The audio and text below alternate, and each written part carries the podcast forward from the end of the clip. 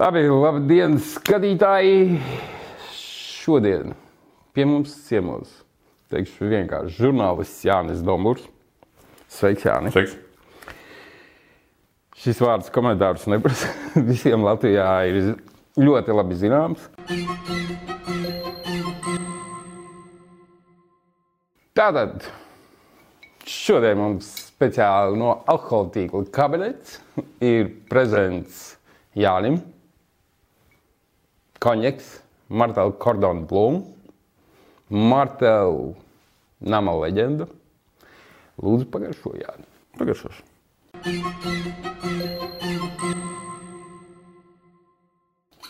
Paldies. Es ar pieredzi. Nu, pagaršo. Nu, pagaršošu. Es, lai viņš paelpo, lai viņš pastāv. Jā, nekur jau nav jāsteidzās.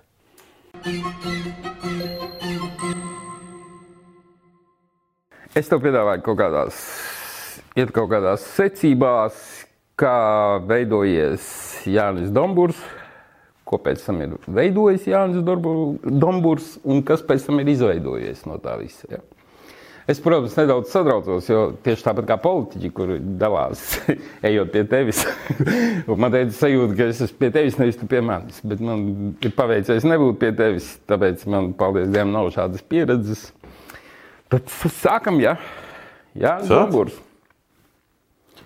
Man aizķērās tāda mm, doma attiecībā uz tavu bērnību. Neaizķērās, kaut kur lasīju, ka tu negāji bērnu dārzā, tēvs agri nomira, un tu pie mātes keramikas darbnīcā esi pārsvarā pavadījis laiku, negājis bērnu dārzā un skaties, kā taisa podus. Nu, vārds podi, podi būtu ļoti, Jeb. Ļoti tur uz robežas, kā cilvēks uztver vārdu podi. Ja? Jo tur ir ne, nekura katra vāza vai krūze vai, vai, vai paplāta vai kas ir pods. Ja? Tur uzmanīgi par šito tēmu. Nu, jā, jā. Māte bija keramika. Tā bija. Jā, jā, jā. Mamma ir, nu, viņa arī vēl aizvien ir, bet, protams, ka sen jau pensijā. Jā. Tu pats arī kaut ko veidoji, tev ļāva veidot. Es tur ķēmojos, bet man nebija nekāds talants. Tur eh, īstenībā jau interesanti, jo, jo man tur tā, tā joņošana, eh, nu, tajā mazākajā bērnības daļā, tā joņošana bija starp skolu un starp muzikas skolu. Bērnu muzikas skolu. Un mēs bijām eh, ar tavā nozarē mazliet zināmo reziju. Uh, un uh, viņa, viņa brāli Kristu Kalniņiem. Mēs bijām pie, pie vienas skolotājas klavierēs, un nu, viņi gadu pus, cik senāk bija vairāk vecāki. Bet tur viņi ar kaut kur turpat tur iedaudzījās ik pa brīdim. Ja? Tā, kā, tā kā tur bija jā, kaut kā tāda. Pilnīgi cita tipa cilvēki nekā droši vien, kas ir tādā bērnu dārzā klasiskā, ka tev ir tur, tur grupas no desmitiem cilvēku. Kur veidojas kaut kāda arī tomēr socializācija. Jā, jā, bet uh, mūzikas skolā tu arī socializējies. Tas nav tik traki. Ar uzzīju atgūt pēc tam. Uh, īstenībā ir smieklīgi tad skatīties visi tie pilsoņi, kas te, ar ko es esmu dziedājis zēnu korī. Te ir te, kurš politikā, kurš biznesā, kurš vēl kaut kur, jā, Inns Dalderis, jā, klarnetists, jā. Tās korporatīvās saites. Uh, nu, vēl viņas beigās nav, jā, bet, bet es domāju, ka tā tava, tā tava, uh, nu, tas punkts, ko tu noķer, es, es domāju, ka jā, ka viņš spēlē kaut kādu lomu. Un es domāju, ka tāpat loma spēlē, ka es nepaliku tikai šajā segmentā, bet pēc tam pārgāju uz sportu. Ar tas, ka tēvs agri nomira, Nu, to psihoterapeitiem tur jāanalizē. Tas nav mans. bet tu nebija pēc tam patēvs vai kaut kāds. Nē. To auga ar māti kopā, ja? un brāļa māsu tā kā Nav. nebija. Tad Ego. tāds- Tam mēs redzam, no kurienes tas ego ir tā attīstījies. Grūti spriedzēt, zina, basketbols ir komandas spēle. Jā. Koris arī komandas padarīšana. Jā, bet uh, mūzikas skolā tā bija tava izvēle. Mamma teica, Nē, nu sākotnēji, nu, es maz, ka sāku kaut kādos piecos gados spēlēt, līdz ar to tur neko piecos gados un sešos gados neizvēlē, neizvēlējos. Ja? Bet es viņu, nu, pat ne ar laušanu, es viņu pabeidzu. Nu, tā tev septiņas klases. tā. Man daudz lietas padevās. Man ir absolūtā dzirde. Jā, tas nozīmē, ka tu solfeģo esam diktātus, dzirdējuši. tu, uh, tu tevi viegli, jā, vēl kaut kas. Bet teikt, ka, tā, ka tas pianisma, nu tad, kad jau tas pāriet tādā jau x stundas dienā, jā, tāds smagais darbs, teikt, ka man bija tas klikšķis, Nu, laikam, ka nē. Nu, tad pretējā gadījumā es tur būtu palicis. Ņemot vērā tavas darba spējas. Nu, varbūt tas, bet, zin, kā jebkurām darbspējām apakšā, tur jābūt, ir, ka tur redz to jēgu līdz galam. Mm -hmm. Tāda. Man patika, piedod, to es esmu kaut kur stāstījis, vai tajā intervijā, ka tu lasīji, vai nē. Bet man ļoti jocīgi, man ir izdzēsies nu, ļoti daudz kas no bērnības, visādiem gadiem atmiņ, no atmiņas. Bet, piemēram, to, ka es gāju tajā pēdējā muzikas skolas klasē, kompozīcijas nu, kursu pie Mājas Enfelds, to es atceros. To es atceros. Jā. Tas tev palika tā kā Kas kompozīcijas izpratne. Kas ir, nu, labi, kur tur 13, 12, 13 gados daudz neko neizpratīsi, bet, bet ka, tad, tas tev liekas interesanti, ja, ka tu dažādiem instrumentiem kaut ko lietas, nu, vispār, ka tu saproti, kā tās lietas ir. Jo, jo ja mēs Kalniņa ģimeni pieķērām, tad man ļoti patīk tie stāsti par 90. gadiem, kad e, Imants Kalniņš bija augstākās, nu, saimnes deputāts. Um, un, un viņš bija budžeta komisijā. Un ir leģendāri tie stāsti, ka sākumā viss smīkņāja, nu, ko te komponistē. Un vienā mirklī cilvēks saprata, ka simfonijas rakstīt, tas ir, tas ir tāda spēja saprast matemātiku. Nu, šī vārda plašākā nozīmē. Ja? Un viņš to lasīs to budžetu tā, kā nu, vispār nu, visi mēmi bijuši. Ja? Nu, tā kā tur ir kaut kādas Jā. tādas lietas. Piebilstot, apsveicam Imantu Kalniņu šodien 80 gadu jubilejā. Pievienojos. Bet atgriežoties pie klavierēm, es redzēju divas tavas uzstāšanās internetos. Tas bija bildējis 2014. gadā ar jauniem džekiem, blūza grupu. Neatceros, Lūmans, blūza band, jā. Yes, un komunālo blūzu dziedājāt. Jā, jā. Un otrs ir ar pērkoniem, dziedāja pie balts lapas apsēsties. Jā, dziedāja, bet es ne, nu, tur nebija klavieres. Jā, jā, bet klavieres bija ar, ar šo jā, bildēs. Nu, man tīja vien, viņa lenca, lenca, un vienreiz es bet tas bija pārliecinoši. Nu, ja tur piekasītos, tad tur, tad tur daudz kas nebija. Bet nu, tur bija viss tā, tā vēsture. Es vēl atceros, mēs tur vēl mēģinājām kaut kā štukojam, kā, kā to gabalu apieties. Un, Un, un, un Dailas Zigs vēl tur piedalījās, jo viņš jau tiem ceļiem ar tur bija nodarbojies. Un, nu, tā bija jā, tāda viena. Jūs kaut kādas meldiņas tur pludinājāt. Jā, jā, jā, jā, tur bija mēģinājums paņirgāties bišķi. Tur ir Marķis neiebildīja. Tā ir Harmaņas izme. Oi, sorry. Jā, jā. Es toreiz es Aivaram piezvanīju. Es Aivaram piezvanīju, pieteicos. Jā, jā, es pieteicos, jā, jā. Nu, es viņam varbūt tik sīki nestāstīju, bet es principā pieteicos. Bet man, man nav liels aizrautības, jo tomēr, nu, ja tu ikdienā to nedari, tad... Um, Nu, tu vari paķēmoties. Bet... bet kaut kur teici, ka tu varētu arī restorānos spēlēt, ja visi galvi trūkst. Tas bija tas, tad, kad, um, tad, kad man uh, nolauza kontrakts savulaik Latvijas. Nu, mēs neturpinājām kontraktu Latvijas televīzijā. Nu, tad es tā ķemojos, jā, protams. Nu, jo, jo es domāju, ka tas jau varētu būt amizanti. Jā. Un tad arī katru dienu tas būtu jādara. Krogs būtu pilns. To, to, Visiem tas būtu izdevīgi. Nu, labi. Beidzās mūzikas skolā aizgāja, panesās basketbols. Jā. Diezgan vēlu. Tur jā, ļoti priekš, priekš sporta, protams, daudz pa vēlu. Viens gads tur pārklājās. Bet augums bija. Augums bija tāds vidējs. Nu, viņš bija garāks. Mātes ierosme vai tava paša šoreiz? Ne, nu, es pilnīgi, es domāju, ka viņi tur bija diezgan dziļi skumji. Pa šo. Pamet klavieres aizgāja uz mums. Jā, jā, uz to sporta skolu. Jā, jā, jā. VF, jā. Nu, VF tas bija tur 45. vidusskolē tuvu, un, un faktiski tur, nu, tur klases, paralēli klases cilvēki spēlēja. Un, un, un, jā, un tur bija kaut kāda tāda, bija kaut kāda vilkme. Bet vienā gadā es tur tās visas trīs lietas apvienoju. Jo es pabeidzu, kā godīgi, godīgi pabeidzu tam muzikas skolu. Uz 4 un 5 pat pabeidzu, nu, priekš tā laika 5 balvu sistēmas. Tā kā jā. Nu. Kuru laiku Jānis lasīja grāmatiņas, lai izkristalizētos kritiskais prāts? Mūzikas, ko basketbols. Nē, nu, labi, tas, viens, jā, tas viens gads tāds dullēs. Jā. Bet tā jau, nu, nu zin kā, no otras puses, nu, tev ir tas sporta režīms jau atkal noņem kaut kādas daudz citas izklaides. Un, Nu, tu vari pagūt arī kaut ko palasīt. Es gan nedomāju, ka tas kaut ko baigi salasīt. Nav spēka pēc treniņa, taču vakarā kaut ko ņemt grāmatiņu un kaut ko baigi iedziļināt. Nu, jā, piekrītu. Nu, pa vidu ir kaut kāds laiks. Nu, es, es, jā, es nepretendēju, ka es tur biju. Visi tā, tā ir, tās ir baumas, vai tā bija, ka tu divus skolas gadus vienā gadā pabeidzi? Ne, tā ir kaut kāda bauma, kas varbūt ir atvasināta no šī tā, kad tās trīs skolas kaut kā. Nē, nē, nē. Jo es nē, nē, tā nē, nē, ļoti sabrīnījos kaut kur lasot šo. Nē, nē, nē, nē es pilnīgi normāli viss nu, bija sakrita. Kā tur iznācis? Nu, nekad neesmu gājis, laikam, 9. klasē. Nu, tad mainītos no tiem 11 līdz 12. Ja? A, tad, tad, tad, tad, pagaid, tad tu tik un tā 11 beidzas. Nē, nu, protams, jā, nu, klasika, ja? klasika, jā. Man bija nu, 90. gadā. Tu no 8. uz 10. pārliecis. Pārliecis, jā, man liekas, ka kāds droši vien ieskaitīja, ka tu esi divus gadus nu, kaut kā, jā, tā. Bet, jā, jā, jā, pilnīgi klasiski, klasiski pabeidzu un, uh, un piedalījos vēl dziesmu svētkos 90. gadā. Arī to tas mums bija. Redz, skola bija muzikas novirziena. Un tāpēc uh, jau vidusskolas koris varēja startēt uh, lielajos dziesmu svētkos. Nu, tas bija reāli jauniešu, nu, mm. bērnu koris. Nu, labi, bet nu, jauniešu koris. Un tad es, jā, bet man tā atmiņa arī bija skaista. Kaut kad man pat bildi kaut kur bija vēl, kad tu iznes karogu uh, pa brīvības ielu, jā, atklāšanā. 90. gada vasarā. Jā, es neskarogu, jā. Varbūt tur bija sākums tam patriotismam, kā kam tādam.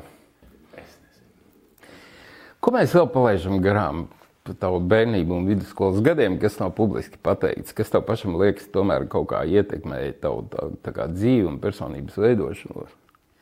Nu, es jau šito zinu, kā gadiem ilgi es esmu viņu atražojis. Bet, bet es domāju, ja tu tā padomā, vai ir kaut kas vēl, kas varēja ietekmēt tomēr būtiski tevi tajā brīdī, kad tu veidojies kā persona?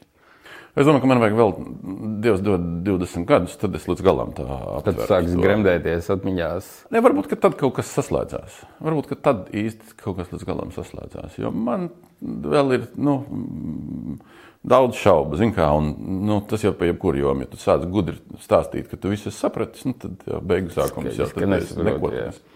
Bet uh, māte tev bija stingra, viņa tev kontrolēja. Nu, akal, nu, Bet nu, kā, nu, kā tu to mēri? Ja? Nu, es, piemēram, mēru tādā ziņā, ka man vecāki deva pilnīgo brīvību. Labi, es tur mācījos, kā man tur sanāca, kā nesanāca. Spēlēju futbolu, spēlēju šahu, bet principā man nekontrolēja vispār. Tikai tad, kad skolotājs zvanīja uz mājām, tad es dabūju pa štangu, un tad bija kāda nedēļa mājas arests un bija jāpavācās Man varbūt nebija tik kaut kādas tās skarbas tās epizodes. Bet, protams, ka nu, katrs taču bērnībā kaut kādas muļķības dara. Nu. Bet man nebija tādas, nu, es nebiju tāds ne divnieku karalis, ne kaut kas tamlīdzīgs. Viņi huligāņo. Kaut ko, bet. Alkohola vidusskolā nelietoja. Protams, ka lietoja. Lietoja? Protams, ka lietoja. Es, es nelietoju, piemēram, tāpēc nav problēmas, ka lietoju. Nē, nē, lietoju, lietoju. Nu, zin kā tā tā basketbolista tā slimība ar alkohola lietošanu jau sāka sagri. Ja? Nav jau tā, ka tajās nometnēs.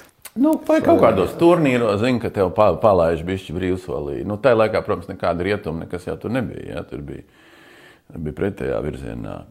Bet, jā, man tāda, tāda daudzonība tādā izpratnē, ja tur aizmukt no mājas vai, vai, vai, vai es nezinu, ko vēl tur melot un bastot skolu Tas man nepiemīt, lai gan, lai, gan, lai gan kaut kādas, protams, kolektīvās bastošanas tur bija. Un iespējams, ka es nebiju starp tiem pēdējiem, bet drīzāk starp pirmajiem, kas kaut ko ierosināja. Bet, um, jā, es, es nevaru. Man nav tādas baigas pareizās atbildes. Jā. Ingūns Mazaiks, tavs treneris basketbolā, ielika kaut kādu. Nu, tev kaut kādu domu vai kā tavā attīstībā, kas tev bija svarīga? Man tagad, tinot apakaļ eh, to filmu, man liekas, ka bija baigi svarīgi, ka viņš, un es domāju, tas daudzās jomās ir, ka viņš, eh, es nezinu, viņš to iemācījās, viņš to jūta, bet ka viņš nepadarīja to, to sporta veidu, ka viņš to sāk apnikt. Restīvi, tur bija kaut kādi gadījumi, man futbols nav nekad mīļš bijis, ja, bet tur bija kaut kādi gadījumi, pustreniņi spēlējām futbolu. Labi, ir ok, kā kājdarbībai, bet tas ir patiesībā arī priekš tam, lai, eh, lai to nu, attietu no viss vai vēl kaut kādas tādas uh, interesantas lietas. Es domāju, ka tas bija baigi tāds svētīgs, ka tu tomēr to basketu spēlē uh, nu, kā spēli. Ja? Nevis kā darbu. Nu, mums nebija arī kaut kāda baigas magie trenižera zāles, tur neskaitāmas reizes. Ja? Nebija. Jā. Bet viņš nu, cepur nost. Viņš nu, tur vienu posmu un centos trenēties divreiz dienā. Uh, Es kaut kur starp stundām kaut ko es tur, kaut ko es tur neapmeklēju. Nu, gāju kā, uz rīta treniņa, viņa divi tā faktiski. Vai nu kaut kādas atsevišķas reizes, varbūt arī vēl kaut ko. Un, un, un tā kā tur jau, nu, ko tu pats ieliec, tas ar tomēr. Nu, tev neviens treneris nevar. Bet es domāju, ka tā attieksme tā bija, tā bija ok. Nu. Pabeidzot basketbalu tēmu, lai šo mēs varam nolikt malā. Es skatījos ūdens zeļus, un izrādījās, ka tas ir tāds afigenijas eksperts joprojām basketbola jomā. Afigenijas es galīgi neesmu. No, vismaz radīja priekšstatu. ļoti klāri analizēja gan Latvijas izlases tās spēles, kad tur Latvijas izlases drusku izgāzās, gan, gan vispār tādas, nu, ļoti saistošs. Tas bija nevar noliegt. Tas nebija tāds cilvēks no malas. Tas nozīmē, ka joprojām seko visam plus mīnus, kas notiek basketbolā. Nu, plus mīnus seko. Un ir tā, ka nu, Uvis Helmanis, uh, kurš nu, bija tajā treneru sastāvā tagad, nu, mēs tā kā esam palikuši draugi faktiski kopš mēs bijām pretiniekos, bet mēs esam palikuši draugi kopš tiem laikiem. Un, Un, nu, Roberts Elmachers arī pazīst, un jāsaka, mēs arī esam šajā sastāvā. Es ceru, ka es baigi tagad noslēpumu neatklāju, mēs trijotā arī esam bijuši. Pēc jau tiem zeļiem jau, man liekas, jau pastrīdējušies un parunājuši, kas bija, kas nebija. Varēja. Nu, es gan arī es tevi kādā krogā redzēju, naktas stundā kopā ar Bagātski sēžot. Jā, jā, jā. Nu, mēs esam, nu, es jau viņus visus pazīstu, vairāk vai mazāk. Jā. Nu, citā krogā tu tur droši vien būtu saticis toreiz ar vecvagāru, ka viņš kļuva par izlases treneri. Un, Un, un, un, un vēl pirms tam, vai tie bija krogi vai nē, kad bankrotēja, ka bankrotēja Rīgas ASK, tad es tur mēģināju tiem čaļiem kaut kā bišķi kaut ko palīdzēt. Un, un, un tur risināt kaut kādus jautājumus, kā, tas, kā tā apgrimšana tam klubam nu, ir viņu materiālā izpratnē, vai varbūt kaut ko var restaurēt un, un restartēt. Tā kā es bez tādas lielas mērķtiecības, bet es esmu. Nu, bet tev pēc tam jaunatnes čempions tu paspēji būt. LPS ir jaunatne, laikam tā tas saucījās. Saucās, jā, tie 90. gada pavasarī. Tur bija vairāki tie turnīri, bet nu, vienu mēs vinnējām, maz, ka tas bija jaunatnes čempionāts. Jā. Un pat kaut kādā Latvijas otrā izlasē paspēlēja. Nu, tur, jā, nu, tur bija tādā, tam izlasēm tāds bardaks. Nu, pilnīgi skaidrs, ka es top desmitniekā nebiju. Tas, tie, tie gadi bija ļoti stipri. Jā, un tas, gan tas augums, gan tas fiziskais, es domāju, man bija pa švaku. Bet, Bet, nu, kaut kādā, nu, tur, jā. Bet basketbolu tu pametīji, tāpēc, ka saprati, ka nevar būt tā kā līderis? Nu, tur arī tajā laikā tā sistēma, ja tagad ir, nu, nu, kā Latvijas teikt, huda bedna, bet nu, kaut kāda klubu padarīšana, augstskolas taisa kaut ko, vēl kaut ko. Jā. Nu, es iestājos universitātē, tur es atceros, ka mēs braucām uz kaut kādiem Latvijas uh, otrās, uh, otrā ešalona kaut kādiem mačiem, tur kaut kāds universitātes sastāvs. Tas ir bardaks viss. Jā, nu, tas, nu, diena pret nakti pret pašreizējo, tomēr, kā strādā augstskolu komandas. Uh, Un, un tajā momentā bija tā, ka tev PSRS brūk, PSRS čempionāts brūk. Latvijas čempionāta nekāda vēl nav. Uh, nu, nu, nu, es trāpīju kā, kā reizi uz to mirkli, kad ka tev nekādas pārējas, ja? nekādas pārējas nav. Ja? Un, un, un šitie čaļi, nu, kas bija izlases, ieskaitot to, viņi, viņus iesauca armijā tehniski, lai viņi nonāktu Krusta baznīcas ielā uh, ASK sportrotā. Mm -hmm. Man tas skaidrs, es tur vairs nekvalificējos, jo vietas ir tik maz, cik ir. Un, nu, kā domā, nu, stājies augstskolā un cieta paņems Krievos. Jo tā mirklī vēl, nu, vai nu tas labs, ja? nu, 90. gada vasara, jā. Nu, viņi bija tieši tik jocīgi, cik varēja būt jocīgi. Tāpēc žurnālistikas izvēle ir tāds gadījuma raksturs. Vienkārši bija jāiestājās kādā augstskolā, lai izvairītos no armijā iesaukšanas. Man vēl aizvien liekas, ka tas bija nejaušība, bet uh, Es vienmēr mīlu citēt to ar vācieti, kurš runā par viņa augstību gadījumu. Jā, to mēs zinām. Nu, kas tas bija, kā tas bija? Es atkal droši vien daudz detaļas atceros, iespējams, sliktāk kā cilvēks, kas tur kaut kādā sarunā bija klāt. Jā. Es atceros, ka caur, caur um, saukto Džonu Jānu Ehrenbergu es tiku um, pie iespējas sportā nopublicēt kaut kādas publikācijas, kas bija vajadzīgas. À, lai tevi uzņemtu, tev tur, vajadzēja. Lai tu ej uz eksāmenu, tev vajag jau kaut kādas X publikācijas. Tu kaut ko par basketbolu uzrakstīji. Es par basketbolu, es uzrakstīju par moderno pieciņu, es uzrakstīju par, par, par orientēšanos. Nu, tur man iemet vispār. Nu, es ne, dzīvē neko. Jo man čoms viens uh, skolā, uh, viņš gadu vecāks, viņš, nu, viņš profesionāli orientēšanās startēja. Tur es bišķi, man kaut kādā apstāstīja. Nu, kaut kāda nojausma bišķi bija. Tur bija pa mēžu ar kompasu. Nu, kaut, kaut ko es sapratu. Kaut kādos punktos kaut ko atrod. jā, bet tā moderno pieciņa tur bija interesanti. Jā, nu, nu, jā, kaut ko. Un bija, nu, un tā, tajā laikā tā sistēma bija, kad stāšanās bija filozofijas fakultātē. Jā, toreiz nebija tā. Vēl nebija žurnāls, soci, vai sociālā zinātnē, kāds jau nebija. Jā. Un tad bija, jā, un tad bija kaut kāds tas radošais darbs. Es pat neatceros, ja tur vēl kaut kas bija jāraksta, vai tikai tas radošais darbs. Nu, man baigā miglā viss tas stāsts. Nu, es saprotu, ka tu pirmā kursa beigās aiziet prom, jo antīkā literatūra, kad ārā šauj, Tas vidū. Homērs. Tas ir pirmā sesija. Tā ir pirmā sesija. Nu kā, ziema. Nu. Tad- Nē, nu man bija, nē, nu, tur bija vēl trakāk. Tur bija vēl trakāk. Un es domāju, ka tad jau es to lecīgo slavu uzreiz dabūju, kad es tieku tajā atmodas redakcijā. Un, nu, es izmantošu iespēju pareklamēšu. Man tagad mm -hmm. uh, Inga Gorbunova uh, tikko nointervēja uz I'm Perfect, to viņas biezo žurnālu grāmatu uz vasaru. Un viņi bija atmodas redakcijā, viņi bija pēc manis atnāca. Mm -hmm. Viņi arī tur stāsta tās atmiņas, ka kaut kāds lecīgs tīneģers, tad, jau baigi kaut ko regulēja. Ja? Un es atceros, ka, ka tajā laikā vēl bija jābrauc uz kolhozu. Jā, Pirmā kursā. es tam arī gāju cauri. Man rakstīja zīmiņu, figā, mums viņu vajag redakcijā. Nebrauks viņš uz kolhozu. Vai elite rakstīja, vai kas, es neatceros. Tā kā man, man tur bija tāda, nu, tur, nu, tur baigi pieskatīja man. Es savukārt pat iesniedzu iesniegumu dzimstrakstu birojā vienai beigai, kur arī ļoti negribēju braukt uz skolu. Es viņai piekodināju, bet tikai pēc tam izņemu. Lai nesāktos kaut kādas problēmas. Tas bija pirmais. Bet uh, labi, nonāci, aizgāju prom, nonācu atmodas redakcijā. Es negāju prom. Es iestājos pirmā kursā. Mm. Un nejauši, nekārtoju. nejauši vasarā nonāca atmodas redakcijā un sāka strādāt. Un tad ja es jau sākumā mēģināju iet uz kaut kādām tam lekcijām. Kāpēc viņi to tādu džeku 18 gados paņem atmodas redakcijā? Nu, tur iespējams, ka elitē ir kaut kāda atmiņa. Iespējams, ka Aināram Vladimirovam ir. Nu, ja es atceros, ka viņš pat tām ziņām, tur, kur es sākotnēji sāku kaut kādas atmiņas. Nu, es tev nevaru atbildēt. Nu, Vienkārši izskatīt. tev paņem un uzreiz uh, dod iespēju rakstīt materiālus. Nē, nu, sākumā tur te, te pirmajā mēnesī tie materiāli bija nu, tādi niecīgi. Tur nekas baigs nebija. Tur kaut kāda reģionāla ziņas to apkopo. Nu, zin, kā tajā laikā viss fak, faksi, jā. rakstām mašīnas jau. Es zinu, ko nozīmē uz rakstām mašīnas drukāt. Pie tam, pie tam e, ne uzreiz elektrisko, jā. Sākumā ir cietā versijā. Ar kopapīru. Jā, un, un ar, ar balto aizkrāsojumu.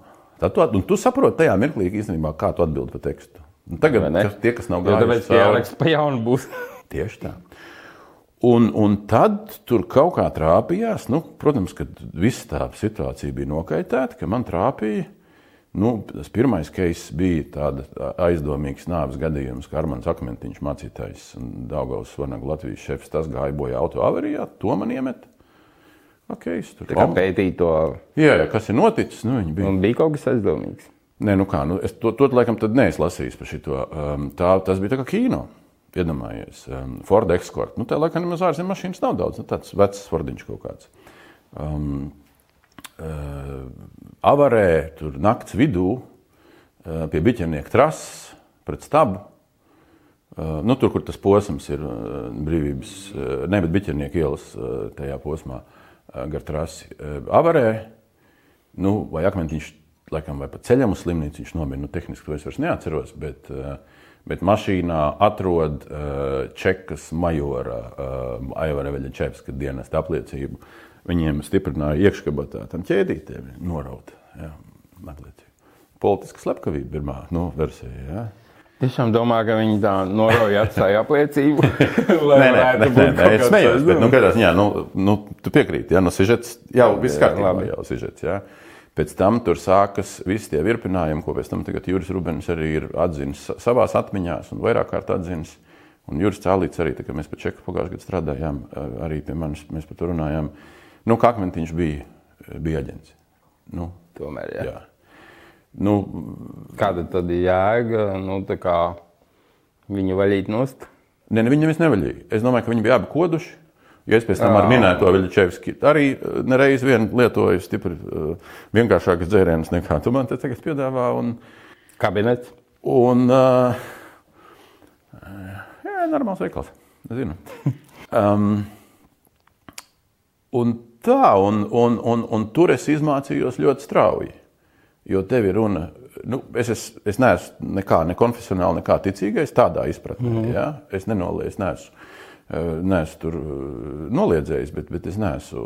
Un tā ir iepazīšanās tev ar, ar baznīcas lietām, Un tā ir, tā ir, tas ir viss posms, kad turpinās redzēt cīņas, laukumu cīņas par varu Latvijas, Latvijas Lutera baznīcā. Jā, tas, tiem, tur arī bija kaut kāda īpašuma pārņemšana, vai ne? Tur bija nelēma, jā, tur bija arhibīskaps Gailīts aizgāja bojā, un tur, tur bija ne tikai īpašums, tur vienkārši bija cīņa, kurš nu, atzimšanas atjaunotnes, tas progresīvais spārns vai, vai salīdzinoši tas.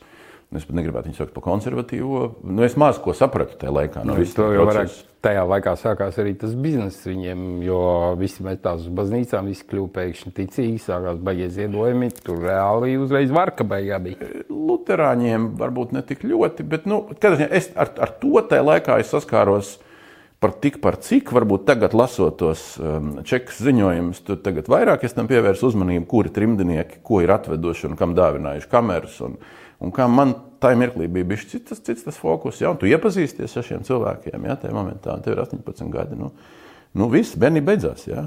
Nu, bērnība beidzās. Un otrs, protams, nu kā, nu, viņi paņēma uzreiz sevišķi svarīgu lietu pārvaldē izmeklēt eh, prokuratūrā. Prokuratūra vēl tas bija pēdējais mēnesis, kad prokuratūra vēl nebija sašķēlusies. Ja prokuratūra pēc tam sadalījās no tur, kur Francijas vēstniecība tagad, un, un, un viņi aizgāja tā Latvijas lojālā prokuratūra uz Kalpaka bulvāru. Un es iepazinos ar nu, tā laika izmeklētāju nu, ziedu, kas nu, tur bija palicis. Jo daži gāja ātrāk prom, jā, tur kas bija aizgājuši, bet, bet daži vēl bija. Un, un, un tu sāc saprast, nu, kā tas funkcionē. Nu, ko dara izmeklētāji, prokurori. Nu, tagad, tagad ir savādāk pārlīdz tās funkcijas, ko dara prokurors. Bet, nu, principā, nu, un ko dara tiesa, un ko dara advokāti, un ko dara čeka. Tu saproti, kas ir čeka, un čeka tajā laikā bija uzlikusi demokratizācijas kursu, ka mēs esam atvērti, ka mēs runājam. Un, un tā bija analītisks raksts Vairāk. par šo Vairāk. vairāk turpinājumos, ja, par akmentiņu šo mm -hmm. pasākumu. Un, mm. un, un caur to tu tā kā. Nu, soli pa solim. Es faktiski diezgan ātri tiku nokristīts par kaut kādu tur eh, kriminālu nodaļas vienīgā, vienīgo darbinieku un vadītāju visu vienā personā. Nebija neviens, kas tevi konkurēja uz šo. Īsti nebija. Jā. Nu, kaut kas tur, protams, kaut kāda iekšēja sadarbība. Es, es laiku dabūju uh, reizi nedēļā. Tā jau, man liekas, bija jau, jau kad tas nonāca līdz atmodu atpūtē versijai. Ja 92. gadā es dabūju, kas arī ir ātri. Ja? Es dabūju jau reizi nedēļā pats savu lapu avīzē. Varbūt pat 9. Nu, jā, ir datums, es tad jāsēž un jāskatās. Ir. Um, tā kā es aizgāju tajā, tajā virzienā. Jā. Tajā laikā tu arī noķēri visu šo kā, patriotismu, un tu uzsēdies tā viļņa. Man ir jautājums, kāpēc tu neiestājies tautas frontē? Tas ļoti dīvaini, ņemot vērā pie to tagad jēga mocam. Es nezinu, varbūt tur bija kaut kāda iekšējā balss, kas, kas teica, nu, ka, ja tu ievēro kaut kādus tos neutralitātes kanonus, tad pat ja tu esi orgāns tautas frontes, nu, tu strādā tautas frontes orgānā. Um, nu, tā- Pazaudēja savu neatkarību. tā kā. Nu, nē, drīzāk tādā ziņā, ka tev nav um, tas, ko tagad moderni sauc par varbūtējs vai šķietams interešu konflikts. Tu biji selektīvā informācija. Nu, kaut kāda pašcensūra vai kaut kas tāds, kā jo tu kaut kur tur esi, un vai tu kaut ko tur saņem, kaut kādu info vai nē. Man, es nevaru tev at, restaurēt ne mirkli, ne kaut Bet kādu. tev ne- ne nebija doma ko. tāda iestāties. Un iet ar visiem kopā ar kopējo, zem kopējā karoga. tā Es kā- jau gāju, nu, iedomājies, nu, Zem kā, karoga tu es gāju zem tāda tā kā karoga. Pie tam frontē tur es nestāju. Es domāju, ka tur bija arī otra lieta, ko es tomēr sajūtu. Ja, jo es, es tad ienācu redakcijā īsi pirms bija notikušas augstākās padomus vēlēšanas, nu, kaut kādi divi, divi pusmeneši. Un tad, tad nu, tas zieds bija pārdalījies. Panteļējos bija ievēlēts augstākā padomē, Krūmiņš Jānis Nelēķis. eh, Žēl, ka viņš tik ātri aizgāja. Tika ievēlēts. U, bet viņi jau tur spietoja, tur jau viss tā vide bija. Un tur tomēr varēja diezgan ātri jau just, ka tā atmodas redakcija, viss tas lokus, es nu, kādu apbižot, ja es tagad skaitītu un kādu uzvārdu nenosauktu, ka viņi jau kļuva par, pati par sevi. Ja? Un, un tur jau faktiski laikam, tas bija jau otrā kongresa jau moments, eh, LTF otrā kongresa, ko es vēl ne, ko es nepiedzīvoju, bet es zināju tos svaigos stāstus. Kā jau sākās tā rīve starp fronti, kā fronti, kas gribēja teikt, kādai atmodai būs, un starp atmodu kā mēdīju, kas teica, mēs esam redakcija, mēs esam neatkarīga redakcija. Un, eh, un es domāju, ka man iespējams, ka tas arī iedeva kaut kādu impulsu, ka tur bija tāda nu, pastāvīga domāšana. Tajā mirklī viņa bija domāju, ļoti, ļoti nu, svaiga, jaudīga, nenogurusi un, un, un, un tam līdzīgi. Bet tas baumas, uh, ka tas viss notiek ar čekas akceptu, atmodas laikraksts, ir pamats šīm baumām vai tavuprāt nav? Daudz vairāk nav nekā ir. Protams, ka viņi Nevar centās, izslēgt, vai ne? ne, nu kā, viņi centās visu kaut ko. Nu, um, Arnēs Junīts, kas bija kurators gan atmodē, gan, gan, gan daudziem citiem, un, un ar kuriem es arī esmu saticies neskaitāmas reizes līdz pat nesenajiem pēdējiem gadiem. Um, nu, Un mēs 90. gados tur kolēģiem jau Nībirojā pētījām visas tās čekas lietas. Un, uh, un tu nekad pie tā situācija, cik ir aizvests prom, tu jau nekad nevarēsi vairs restaurēt, kas bija un kas nebija. Es arī liecos ticēt tam, ka attiecībā uz fronti vispār bija iekšējie uzstādījumi, ne tikai uz atmodu, bet arī uz fronti, uz labvakaru, uz, uz jebko, kad pēc iespējas maz smērējam papīrus. Ja?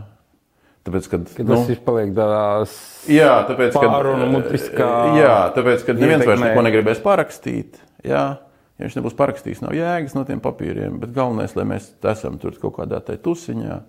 tādā izdomā ēniņa palika, vai ne? Un, un, šito. un tā, bet saprot no otras puses, um, tā komiteja, tie ir dzīvi cilvēki. Un, uh, un viņi var teikt, nu, viņi tam nav stulbi cilvēki. Skaidrs. Viņi arī domā nā, par nākotni. Ja? Viņi redz, kur lietas virzās. Un viņiem sakasīties ar daudziem. Ja? Nevajag, bet tam tur nu, tomēr nu, bija Johansons, kas nāca pa to kompartijas līniju. Ja? Bija Trubiņš, ģenerālis, viens no jaunākajiem ģenerāļiem, ja es pareizi atceros, Padomu Savienībā, kurš, kurš bija profesionāls operas vienkārši, ja? ko daudz atzina pēc tam arī. Tā ir laikam pēc tam. Um, tur bija spārni, tur bija uh, nu, attieksmes, tur nu, ne visi visiem baigi uzticējās. Ja? katrs gribēja kaut ko, kuri bija korekti un iedami prom eh, pa saviem aģentiem, visu iztīrīja, un ko mēs tagad neieraudzījām, ja, kad taisīja maisus. Un kuri varbūt ir turējuši kādu uz āķa un šantažējuši un teikuši, mēs tev izmetīsim rekut tavus papīrus. Ja. To mēs varam tikai nojaust. Ja. Bet es pēc savas personiskās pieredzes, es varu pateikt, ka es paguvu, un tā bija milzīga mācība ar to pašu uh, akmentiņu gadījumu. Es paguvu uh, praksē redzēt, ko nozīmē čekas darbs attiecībā uz tevi. Es atceros, kā pie telekā Attiecībā uz tevi arī sauc. Uh, īsais stāsts. Nē. Es zvanu uz čekas, tel norādīts telefons. Jā, nu kā telefona grāmatā. Nu, tagad tā telefona grāmata ir. Jā, Ot, publiski norādīts, ir augstākās padomas, iekšlietu minist- ministrija, valsts drošības komitejas. Nu, nu, zvanu. Nu, tur savienojās tā un tā. Radina Strelka bija um, pie tā laika planetārija. Um, nu, tad, tad pavisam katedrāls tagad. Un es dabūju tieši to pašu klasiku, kas ir aprakstīta neskaitāmos tur, uh, grāmatās vai intervijās, kad pat tevi stāsta nu, visu. Ot, nu, tā ir laikā, es domāju, ka par mani, par vecākiem, skolu, sporta skolu, man izstāstīja pilnīgi visu. Nu, tas psiholoģiskais presings ciets. Un 18 gados nu, tu, tev ir šoka elements absolūts. Bet, bet vienlaicīgi es, es pieņemu, ka viņš to nemeloja. Pēc tam jau, ka komiteja bija likvidēta un ka mēs tur vēl pāris reizes satikāmies, tas, eh, tas Veļčevskis, ka viņš teica, ka patiesībā mums bija sūdi, jo ir kaut kāds autors, nu, kurš raksta par to lietu. Un mēs sākam čekot, bet nekā nav. Tas ir pats reāls, viņš tas nav pseidonīms. Viņš ir, bet nekā uz viņu nevar savākt. Ну, tāpēc, kad, nu, arī, nu, ko tu tur savāksi? Ja? Не проходил, не состоял. Nu, un, un, un, un tur bija visādi tur interesanti stāsti. Es, es, es redzēju, kā strādā izsakošana tajā laikā. Mēs, tas bija pēc, liekas, pēc ģenerāla, Kulāgina. Es pirms sāku lasīt tajā mirklī grāmatiņas. Ja? Man liekas, ka pēc Kulāginas laikam viņam bija uzvārds. Uh, viņš teica, uz, nu, lai jūs pārbaudītos, vai jūs klausāties. Uh, sarunājiet, ka kāds jums piezvanīja, nu, uz tā laika regulāro telefonu. Un sarunājiet strēlku kaut kādā pārskatāmā laikā, tūmā. Un tad jūs neredzēsiet neko. Bet tas otrs cilvēks, kas nāks uz to strēlku, viņš redzēs, kā tās mašīnas brauc pa riņķi un kā tie vīrieši tur steigā. Un mēs vienu čomu to izpildījām. Toreiz. un tā arī bija. Un tā arī bija, protams. protams. Tāpēc, ka viņš man piezvanīja no automāta ar tekstu, ka viņam ir info par akmentiņa lietu. Nu, bet rezultātā viņi nekādas sankcijas pret tevi, nekas bija ar pirkstu pakratīja. Ne, tur jau nebija neko ko sankcionēt. Viņiem, es domāju, ka, es domāju, ka viņiem, protams, izdevās. Tam manas smadzenes tomēr nu, nebija tik pieredzējušas. Viņiem izdevās kaut kā vispārīgi skalot, sabiedēt, vai sabiedēt, ar vienu roku sabiedēt, ar otru roku kaut kā skalot kaut kādus stāstus, nu, ka mēs jau vispār, nu, mēs jau neesam tādi kā 40 gados. Nu, tas mūžīgais stāsts, ja? kur ir daļa taisnības un daļa nav. Ja? Um, Bet Veļķevskis bija kurators. Uh, viņš bija kurators, protams, pa, pa baznīcu. Tur bija 4-5 cilvēki tajā baznīcas nodaļā, uh, nu, kuru visi dažādi mēs tagad tajos pagājušā gada rakstos, es pagājušā, pagājušā gada izpreparējām, ja, kur, kur visi tur parādās kā operi. Un, un, protams, ka viņiem tajā mirklī, nezinot, kas notiks, gan ar komiteju, gan ar visu situāciju ar PSRS, protams, ka viņiem katrs šis jautājums bija jāmenedžē. Nu, un cenzūra bija beigusies, ja? nu, un atmodu iznāca, neskatoties tur uz tālāk vēstures līkločiem, kā tur atmodu pēc tam paslapas tajā nākamā gada ietvaros, tur veda uz Lietuvu drukā. Tur jau tāds puspartizānu posms bija. Bet es tur, protams, nu, jaunais zaļais, es jau tur neko. Tā jau nav tāda pirmā pieredze, tāda reālā, un pēc tam uzreiz Uldis Grauta uz, uzaicina Radio Brīvā Eiropa. Mm, nē. Nu, nerunājot par tiem rakstiem, cik, jā, jā, nu es kaut kādu, kādu kriminālajām tēmām, gadu, un tā gadu. Haritonas bija vēlāk, jā, arī, bet, bet tur, bija, tur bija baigi interesanti, jo, jo tur bija kaut kāds tas posms, to, man tad pa mēnešiem būtu jāstāsta, bet tur bija tā, ka tā atmoda kaut kādā 92. gadā, nu, viņi sāk jau nu, ļurkāties un sāk parādīties riņķī apkārt visādi brīnumaini izdevumi, un ne tik brīnumaini, arī labi. Un, un vienā mirklī es tur biju, nu, kā saka, nu, uz tom promiešanu arī, arī, arī, un es nevaru te pateikt, vai es vēl biju atmodā, un es jau sāku priekš Radio Brīvā Eiropas kaut kādu freelance vai nē, bet man bija vēl viens posms, kas man ļoti patika, kad bija Latvijas jaunatne līdz kaut kādam 90 trešam, ceturtam, neatceros, kuram ar Andreju Cīruli leģendāro um, priekšgalā. Un Cīrulis man arī iedeva tur baigo tādu, nu, kardu blanšu, kā saka, jā, tādu, nu, no sērijas nāc, kad tu gribi, ej, kad tu gribi. Man nav tevs vajag, zin, šitādas te gabalas, jā, tādas vai citādas. Nevienmēr, protams, viņi visi tur baigi bija izcilie, jā, es domāju, nevajag arī pārforsēt un, un, un nu, pāriedomāties, jā, bet kaut kāds droši vien bija tas, tas, tas aizrautīgums kombinācijā ar kaut kādu tomēr to tvērienu, Es domāju, ka es nu, spēju nu, godprātīgi nostrādāt ar visiem tiem faktu apstrādēm. Nu, Inga man tas stāstīja, viņa saka, ka viņi ir atcerējušies, kā tur, tur, tur nu, izgriezumi salīmēti uz lapām. Jo es tiešām ar tiem arhīviem ar kartotēkam diezgan ātri sāku strādāt, jo tajā laikā jau nu, pat kopētājs bija lielgreznība ja? un graizīja tās avīzes. Un, un tā, un, un, un, un tā kā es parādījos kaut kādā tajā apritē, kur sāka citi mēdī arī izrādīt interesi. Ne tikai radiobrīvā Eiropā, arī vietējie. Un tad bija arī kaut kāds tāds interesants joks, kas bija ne tad 91. gada beigas, ne tad 92. Man arī grūti precīzi interpretēt, ka man pirmo reizi ieraudzīja uh, no teļuka puses. Tas bija jau toreiz. Bija tāds mistisks, sestdien, nevis mistisks, nu, bet tāds šobrīd tāds formāts nav sestdienu rītu uh, raidījums. Rītu stunda saucās, kuras ar kaut kādu posmu bija. Nu, zin, notika tik daudz, ka es tev nevaru detaļas atstāstīt. Nu, Rādio brīvā Eiropa, protams, Tagad bija... rakstīja, būtībā izraisīja kaut kādu reāli, tad pēc Jā, nu, pamanīja. pēc sevis bija pieprasījums. Jā, būtībā, es domāju, ka pa, pamanīju to, jo, protams, ka es sāku, nu, tad bija tīrās kriminālās lietas, bija Omons ar visu to saistīto. Es, nu, Rubiku, inter, Rubiku arestēju, armijas izvešanu. Pēc tam es atceros, ka es intervēju, bija tāds potreki Eh, kurš tur kompartijas kaut kāds viņš tur skaitījās pēc Rubika, kurš tur sekretārs. Ja to es, es atceros vēl lielajā mājā intervējā. Par Rubiku, kas man vienmēr šķiet dīvaini, ka uh, ir tādi daudz cilvēku, kas saka, o, es Rubiku cienu par to, ka viņš nelokāmi tura savu mugurkaulu, pieturās pie saviem uzskatiem. Manā skatījumā tas ir tupums. Dzīve mainās, viss mainās, un tu visu laiku sēdi viedos vienā viedoklī. Tas nav smieklīgi. Bišku. Es, es esmu drusku uzmanīgs uh, vērtēt to Rubika uh, personisko stāstu. Jo es domāju, ka viņš uh, nu, nekad jau, un varbūt viņš arī viens pats nevar arī objektīvi vairs to novērtēt. Bet tas vairāk tie posmi, ka viņš bija salīdzinoši nacionālo komunistu pārstāvis, kurš, kurš patiesībā līdz kaut kādam mirklim, viņš nebija tāds baigais, tāds, nu, nu, nu, nu Zajadlīs interfrontists. Ja? Mm. Tajā momentā, kad bija kaut kāds tas 9. Un to daudzi, starp citu, ir atzīmējuši, eh, ka viņš, piemēram, tajā sociāliskā partijā, tam, ko viņš, ko viņš radīja un vadīja, piemēram, tur diezgan viņš esot gājis, piemēram, latviešu valodas tēmu, ja? kad, vai, kad runājām latviski, ja? nečakarēmies. Nu, bet es pārstāstu. Un es domāju, ka tur bija kaut kāds mirklis, kur, nu, akal, vai ne, kā var salikties kārtas, ka ja viņš nekļūtu 91. gada augustā par tik ļoti lielu um, anti, uh, nu, propučistu, Viņš tajā brīdī personāžu. kaut kā noticēja, ka tiem džekiem viss šitais sanāk. Un kaut ko tur jāpateicis, un kaut kā tur izveidojas tās attiecības um, tādas vai citādas ar to Omonu vai Baltijas kara apgabalu, jo jāapzinās jau ir arī tas, ka kad Rīga jau bija centrs Baltijas kara apgabalā, ja, kur bija gan, gan pie ģērbtuves baznīcas, gan pretgaisa nu, izlūkošana. Mums jau bija tie dienas, kad pieci ja, ja, Baltijas kara apgabala spēcdienesti. Un, un ģenerālis Kusmins un Vedieniņās. Nu. Un līdz ar to es, atgriežoties pie tā, es, protams, aizgāju arī šitai virzienā. Ja?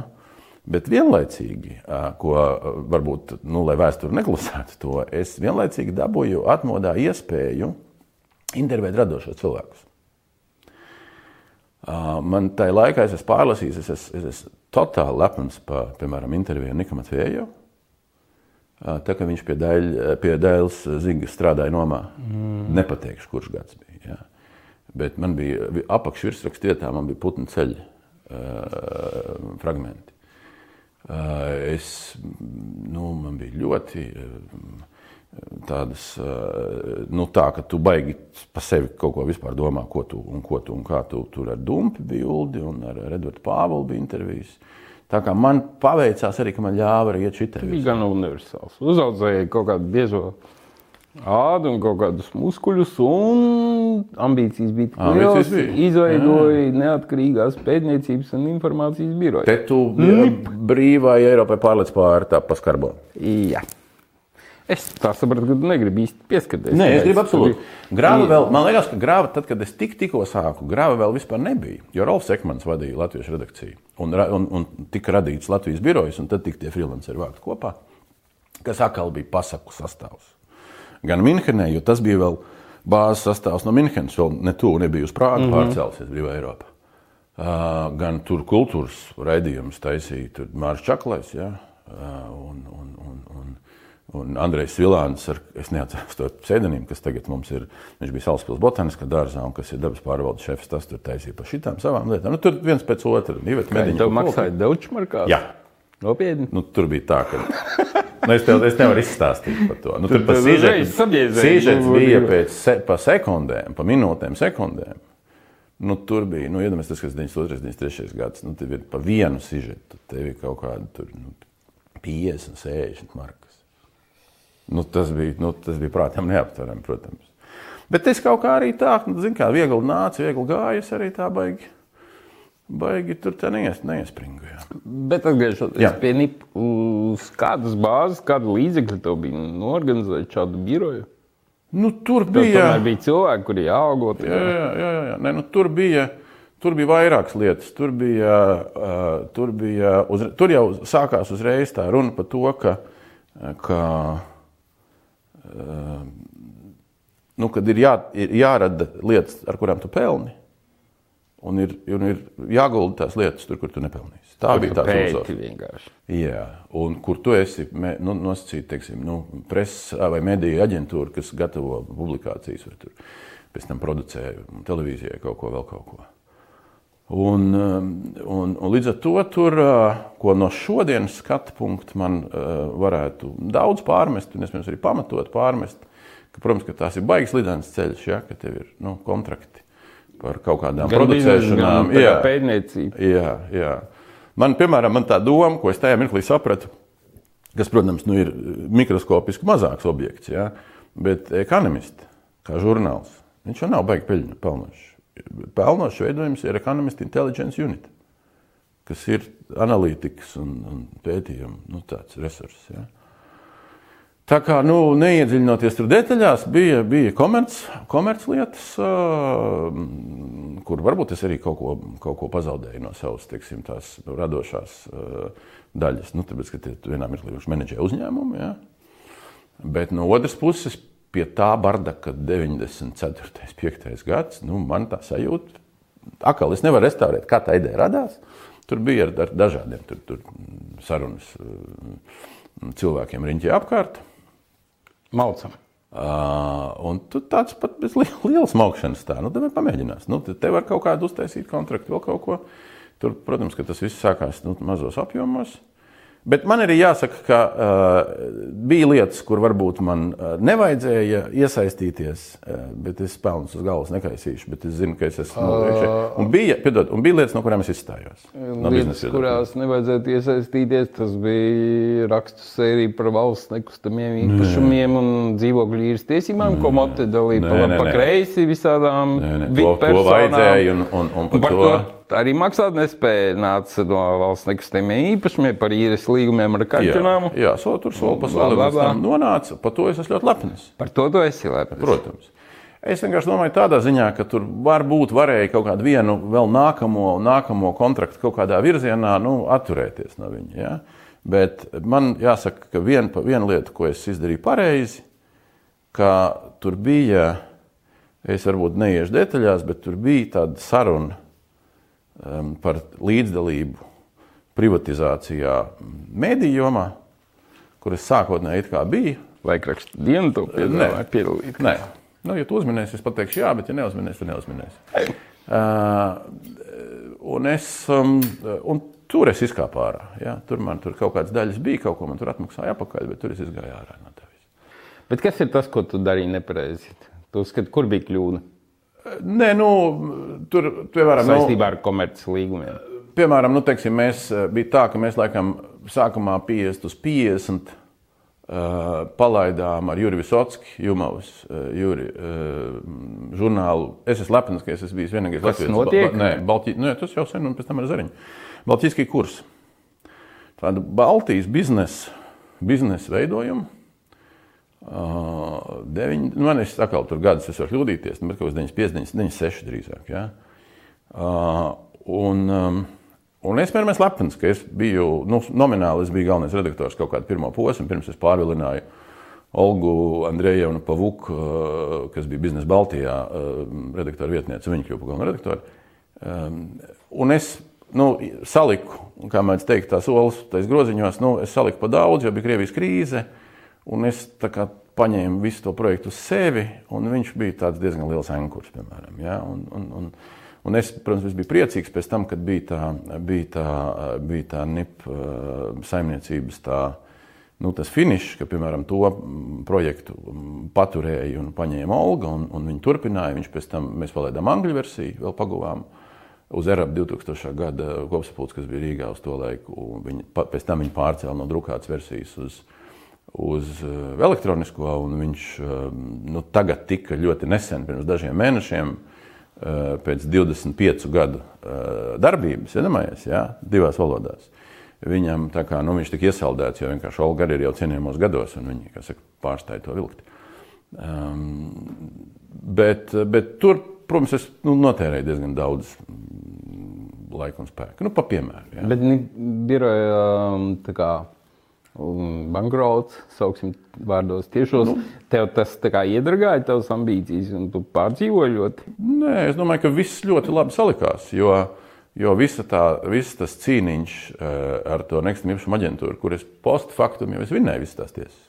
Pēc tam jau arī bija tiesas pašam motam, bet arī laikam izrullēja visur. Ja, nā, nu, tās viņa krimināllietas, tas cits jautājums. Jā, tā jau no mana, nu, tā ir tas, ir, tā, bet, tas, tas bija tas galvenais arguments visai šai sērijai pret viņiem, jo tas tiešām bija diezgan smieklīgi. Nu, tas bija traģi, traģiski, jā. Un nekas par to beigās. Nu, bet labi, vismaz, kad, kad par to dalīšanu vismaz nomet nost, visu to valdi nomet nost, jā.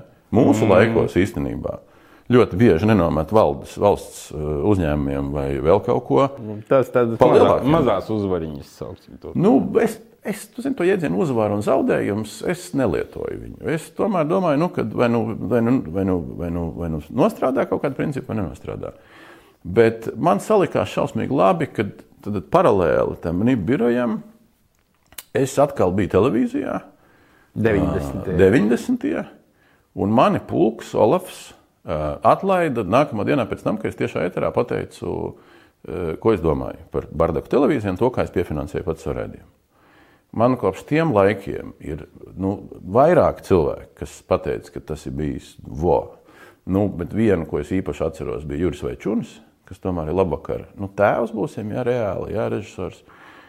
Un, un viņš teica, ka tas bija baigais, nu, baigs svarīgs notikums un fakts. Un es saku, ka beidzot kāds, kā kāds pasaka, jā, un, un, un, un, un cilvēks, kas jau ir publiski redzams. Un beigās tā tiesāšanās tev arī veiksmīgi beidzās. Man pēc viņa, ilgiem gadiem, ja tu to viņu. Man viņa beidzās tad, kad uh, pulku nomainīja ķērve.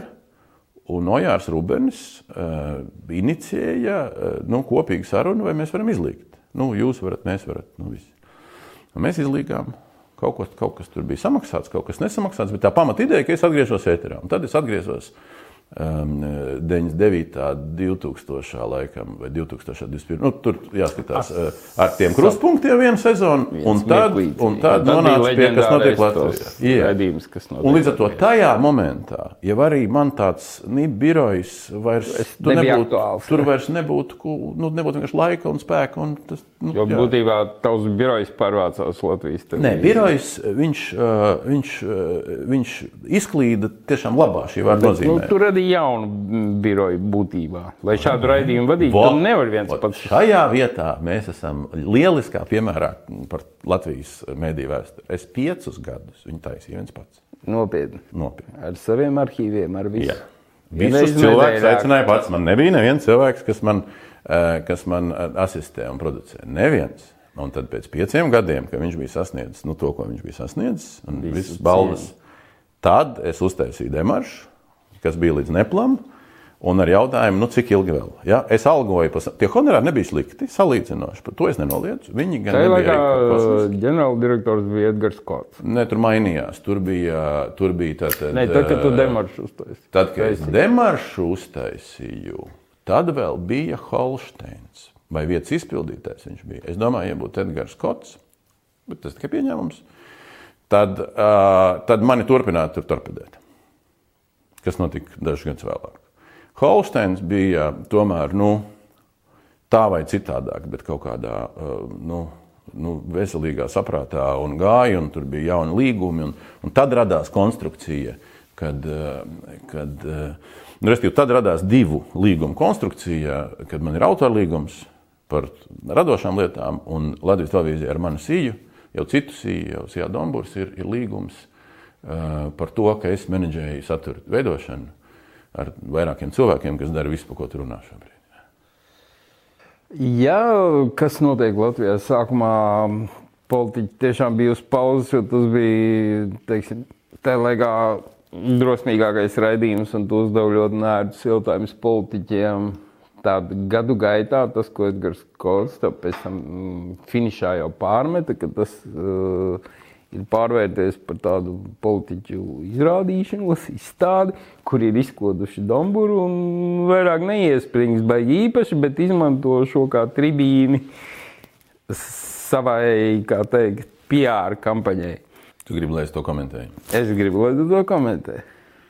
Nu, tas, ko savā dzīvē ir uh, paveicis Edgars Kots, šobrīd uzskatām, ir redzams uh, laikraksta dienas menedžēšanā.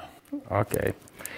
Um, Tur lai... bija Piedod, piedod pirms tu turpini, tu arī ļoti skaļu frāzi tajā laikā pateici. Ja mēs runājam par to, ka valsts ir nozagta, vai mēs nevaram runāt arī par to, ka mēdīji ir nozagti sabiedriskie?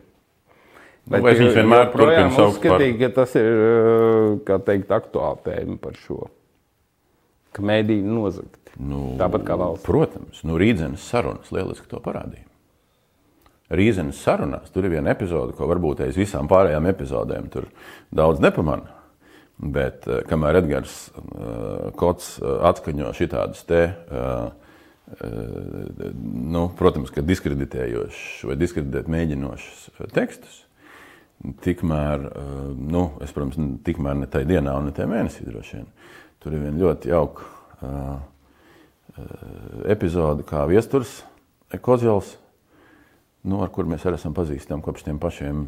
Viņš bija atmodā komerces direktors, laikam, pirms es atnācu. Vai varbūt viņš arī kaut kādā posmā bija. Mm. Kā viņš saka, Aināram Šlesaram, nu, ka tev vajag pie Dombora izsauks un viss šito te noprasīs. Ja?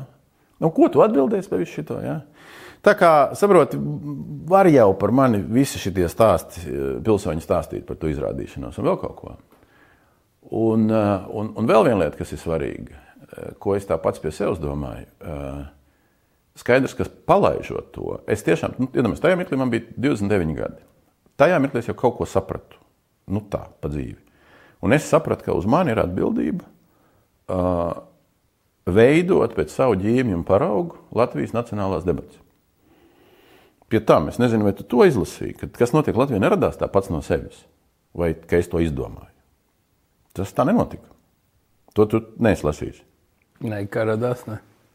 Tā tad um, nu, es, ne, es, es neatbildu, vai tieši tas notikums bija cēloņa sakarībā, bet respektīvi 2000, nu, 90. gadu otrā puse valsts nozagšana notiek dabā, oligarha arī notiek dabā. Um, nu, Pasaules banka kvalificē valsts nozagšanu Latvijā un tam līdzīgi. Tam līdzīgi. Man liekas, tas bija 2000. gada 18. novembris, kad Jānis Vanaks eh, atteicās lasīt sprediķi 18. novembrī ekonomiskā dievkalpojumā. Es varu kļūdīties, tie gadi tur plus mīnus viens, bet maz ka 2000. Cik man kaut kādas atmiņā ir kaut kāda atstāsti un pārstāsti, tad tur bija runa par to, ka viņi kaut kādā cilvēku lokus, kurus es te dažus noskaitīšu un nedod Dievs um, kādu aizmirst, nu, bija sprieduši, nu, ko, ko valstī darīt, lai kaut kas būtu labāk. Un, ja mēs izturēsim tik ilgi, tad patiesībā es esmu šobrīd šajās pārdomās, ārpus uh, standartiem. Ja? Bet tas ir daudz tālāk. Uh, tad uh, tur tajā kompānijā Un restīvi tas rezultāts bija pēc vairākiem mēnešiem, vai pēc dažiem, nu, es nevaru pateikt. Tapu vēstuli, es domāju, ka viņi bija gan padomē, gan, gan televīzijā, kad Latvijas demokrātijas un visam pārējiem stiprināšanai un attīstībai ir vajadzīgs publisks debats. Un tur nebija rakstīts, ir jāvada, tur nebija rakstīts, ka viņi sauksies, kas notiek Latvijā. Ja? Uh, un, uh, Tur bija Mārcis Zālīte, tur bija mans ziedonis, tur bija Juris Rubens, tur bija akadēmiķis Stradiņš. Nu, tagad es varu ātrumā kaut ko. Mm. Alberts Bēls un tam līdzīgi, tam līdzīgi. Kuram, um, starp citu, uh, piemīt, uh, man liekas, ka viņam ir tas formulējums, kāpēc Dombūrs skatās, kas notiek Latvijā. Tāpēc, ka tās ir tās gladiatoru cīņas bez asinīm. Tas man Vai ar asinīm? Nē, kāpēc? Reizēm ar asinīm. Nu, lūk, bet, bet respektīvi, es, un, un pēc tam kaut kā tas nonāca līdz manīm, un, un, un, un tad, pateicoties, nu, tos laurus nevajag noplūkt vienam, viennozīmīgi pateicoties Armandam Zvirbulim, jā, jo visu to uzstādījumu ne no kā. Tev ir smalki, te, tev ir ļoti daudz kas, jā. Tur bija vienkārši no kā tā studija tika uztaisīta. Ja? Neviens tur nedēļa baigo, baigo naudu. Ja? Zvirbulis jau tur pie, piešķīla dramaturģiju. Zvirbulis, mēs pasaulē. toreiz jau arī vairāk kārt smējāmies, kad mēs stāstījām abi divus dažādus stāstus. Ja? Jo tas, kā viņš prata parādīt klusēšanas, grimases, nopogāt, mm. tomēr rēķina jau 8 cilvēku, 7, 8 vai ne studijā. Nu, tas ir baigais darbs. Ja? Bet viņš nerūpīgi baigi daudz detaļas par saturu. Un līdz ar to viņš stāstīja pilnīgi paralēlo stāstu. Savukārt mans stāsts bija saturiskais stāsts. Tur bija daudz lietas. Ilza Strenga, kas bija no televīzijas puses uh, producents, uh, tur, protams, daudz ielikās, ja, uh, lai tas. Lai tas Gunārs Grots, kas tikko aizgāja, bija, bija arī otrais režisors. Un, un tur, nu, nu, tur varētu atkal kāda apbežos. Bet, respektīvi, es sapratu, ko es daru, kāpēc es to daru, diezgan fundamentāli. Vēl daudz fundamentālāk nekā atmodā. Ja, kas notiek? Un vienlaicīgi Eh, pēc tam, kad uh, mainījās tās varas, uh, mainījās, bija visas pa vidu tur, tur šitās hiperinflācijas, pārkaršanas burbuļi, Loskutova sāgas, lietus sargi, jā, jā, jā, viss pārējais. Tad tas, ko baidos, ka daudzi, un tā ir īstā mēdī pratība, ja cilvēki grib to saprast, varbūt līdz galam ne, nedadomā, bet, bet varbūt arī daži negrib dadomāt. Un man, diemžēl, ir sajūta, ka Edgars Kots radot dažādus citus raidījumus citās dienās, kas bija bla bla bla. Par ko Abrams Kļotskins teica, ka tevi ļoti satrauc uh, paralēlo raidījumu reitingi. Jā, protams. Un ka tas konkurē ar tavu raidījumu, un ka Tur tu tā kā tik gudri. esot pret to visu. Visi tik gu- gudri čaļi, jā, tik gudri visi čaļi. Jā, jā, jā. jā. Jā, jā, jā, jā. Ā, Ka es sapratu vēl vienu lietu. Es sapratu to, ka ir laiks uh, lekties, vai ir laiks bļaustīties, vai ir laiks uh, kasīties. Un vienā mirklī tev ļoti skaidri, ir tīpaši tad, kad tu dabūni kaut kādu autoritāti, tev ir ļoti labi jāsaprot, kurā mirklī tu runājies ar cilvēkiem. Nevis lecies ar viņiem. Ja? Un, ja ir mirklis, tad tu lecies. Bet, ja ir mirklis, un, un ja cits mirklis, tad tu runājies. Un es varētu saukt dažādus mirkļus, uh, ko, ko es izlaidu caur aknām, uh, kāpēc tā un ne citādāk, un kāpēc es tā darīju. Un es atceros pēc tam, kad Sipenietis salecās uh, ar visiem tur pirms Rietussāga revolūcijas, ar godmaņiem, un kas tur rīvži bija studijā un pabriks, kā pabriks. Mēs tur stāvējām, vēl pēc raidījuma ilgi runājām, kā viņš tur stājas no tautas partijas ārā. Un, Un, uh, un, nu, nu, pēc, kā mēs ar Andriu Bērziņu pēc tam viņa debatēm, um, tas, kurš kļuva par prezidentu, runājām pēc Zetlera debatēm, kuras es uztaisīju viens pats. Vienkārši abiem piezvanīju. Taisam debatas. Ja Latvijas televīzijā neko nevajadzēja tādu. Ja. Man tur ļoti sāp. Tas, tas, tas mēdījis jau neapzaga mani. Tas mēdījis apzaga Latvijas sabiedrību. Bet es sapratu, ka kad man ir jāiet tālāk, kad ir mirkļi, kad tev ir jārunājas. Nu, piemēram, tā kā bija krīze, tagad bija starptautiskais aizdevums. Ja? Decembris sākums, laikam, tas bija. Es atceros, kā šodien, kad man zvanīja Godmārs apakaļ, viņš bija premjeras. Viņš teica, pagaidi, tu man aicini trešo nedēļu pēc kārtas. Nav pa daudz. Uz kuras teica, man liekas, ka nav pa daudz. Un tieši šobrīd nav pa, jo tā ir vienīgā reize vēsturē. Jā. Tā ir vienīgā reize vēsturē, kad es vienu cilvēku aicināju trīs reizes pēc kārtas.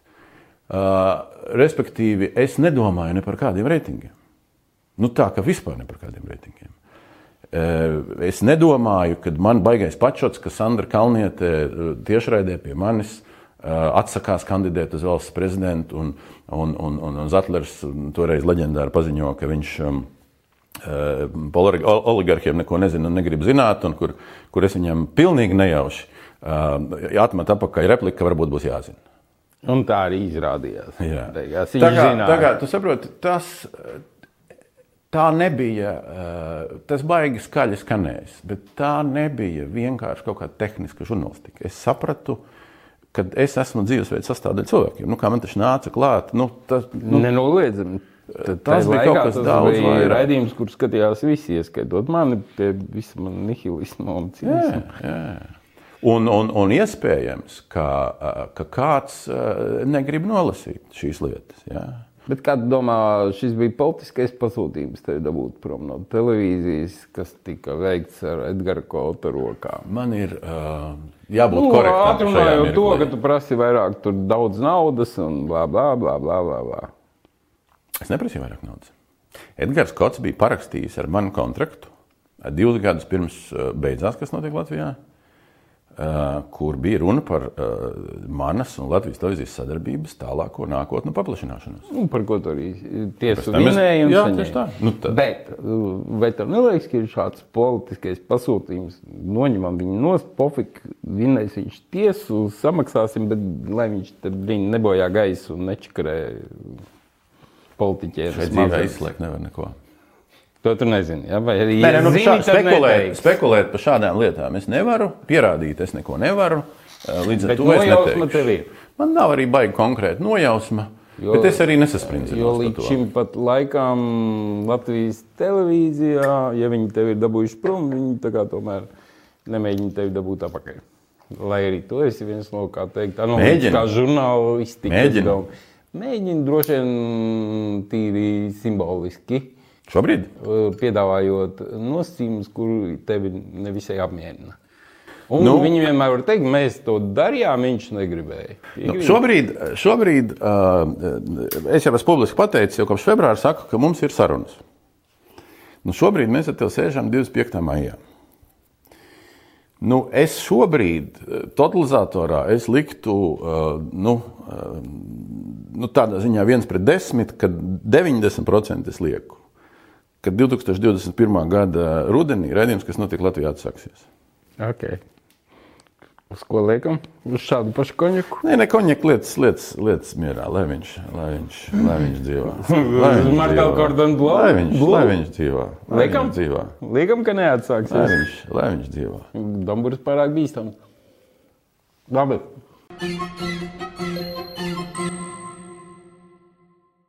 Dievs ar Latvijas televīziju. Tas nebūtu slikti.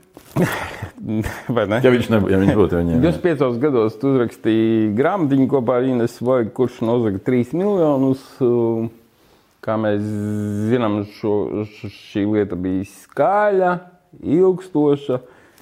Latvijas energo cedēja līgumu, ja, atdeva, mm, bija parādā 10 miljonu bankai Baltijā. Banka Baltijā caur uh, Liechtensteinas firmu mm, International. Nu, to labāk nemēģināt atkārtot. Jā. No. AFCA, kompānija, jā, bija. Jā, establishment, jā, jā. jā. To viņš vienojās par uh, astoņām štukām. Ja? Pazuda, karoči, visā tajā schēmā pazuda trīs limoni. Par to bija šī grāmata, kurā, manuprāt, diezgan klāri, es nezinu, to izlasīju šo grāmatu. Diezgan klāri bija arī pierādīts, ka tiešām nu, tā ir afēra. Ja? Un- Bet rezultātā vienīgais eh, iegūms no visa šī bija arī pirms tam ar visu šo žurnālistu iejaukšanos, tas, ka Ventspils nafta līdzīgu afēru arī caur Liechtensteinas firmu neveica. Ja? Tas bija ļoti tieši. Jā, Tas ir rezultāts. tiešais rezultāts, sauksim to tā. Tu uz beigām šai grāmatai lietoji tādu frāzi, ka Latvijas prokuratūras izmeklēšana šajā lietā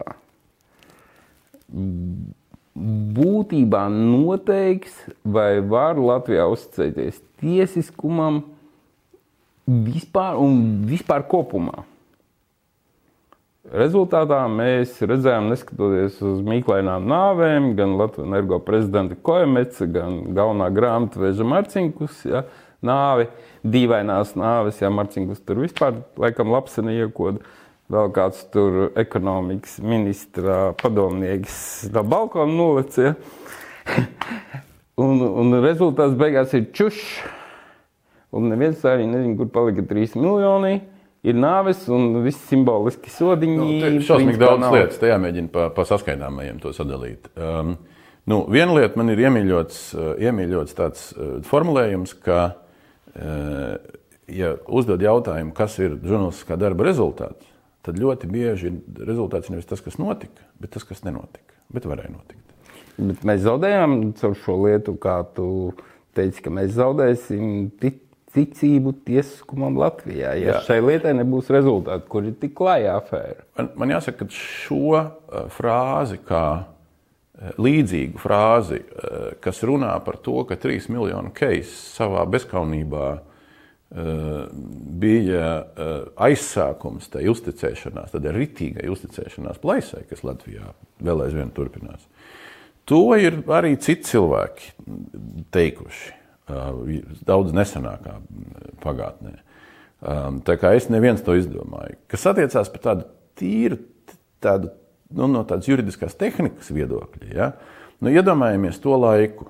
Nu, tagad jau ne, neiedomājams lietas par to, kā funkcionēja anonīmie konti. Ja? Kā funkcionēja uh, teiksim, nu, kaut kāds tas viss, tas Nu, pārsteigums, neteiksim, man principā bija Viņi bija anonīmie ka tā, tie trīs miljoni nonāca kaut kādā Nauru bankā, kurai bija sadarbība ar Trusta Komercbanku. Jā, bet konti ir Un anonīmi. Tālāk mēs nezinām, kur, kam tie trīs limoni ir aizskaitīti. vai ne? Jā, bet, bet jēdziens anonīms konts reāli pastāvēja. Reāli viss tas, ko mēs tagad runājam par naudas atmazgāšanu, ja, viss tas nebija. Nu, ne, gan, nu, gan drīz viss tas. Jā. Līdz ar to tehniski, protams, eh, ko varēja vai nevarēja pierādīt, um, tas ir liels jautājums. Bet no otras puses, tur ir uh, ārpus grāmatiņas, ir jāskatās Es tagad domāju, ne, laikam vēl pēc filmas, pēc Artamai Republikas vēl tikai bija tie lēmumi. Bet varbūt kaut kas jau bija uz to brīdi, man tagad tas ir izkritis no galvas. Ka soli pa solim jau pēc tam pierādīja, ka uh, nelaiķi grūtu birojā Nevis Liechtensteinā, nevis kaut kur citur. Mēs saprotam, ka Šīs lietas stāv. ir pie grūta.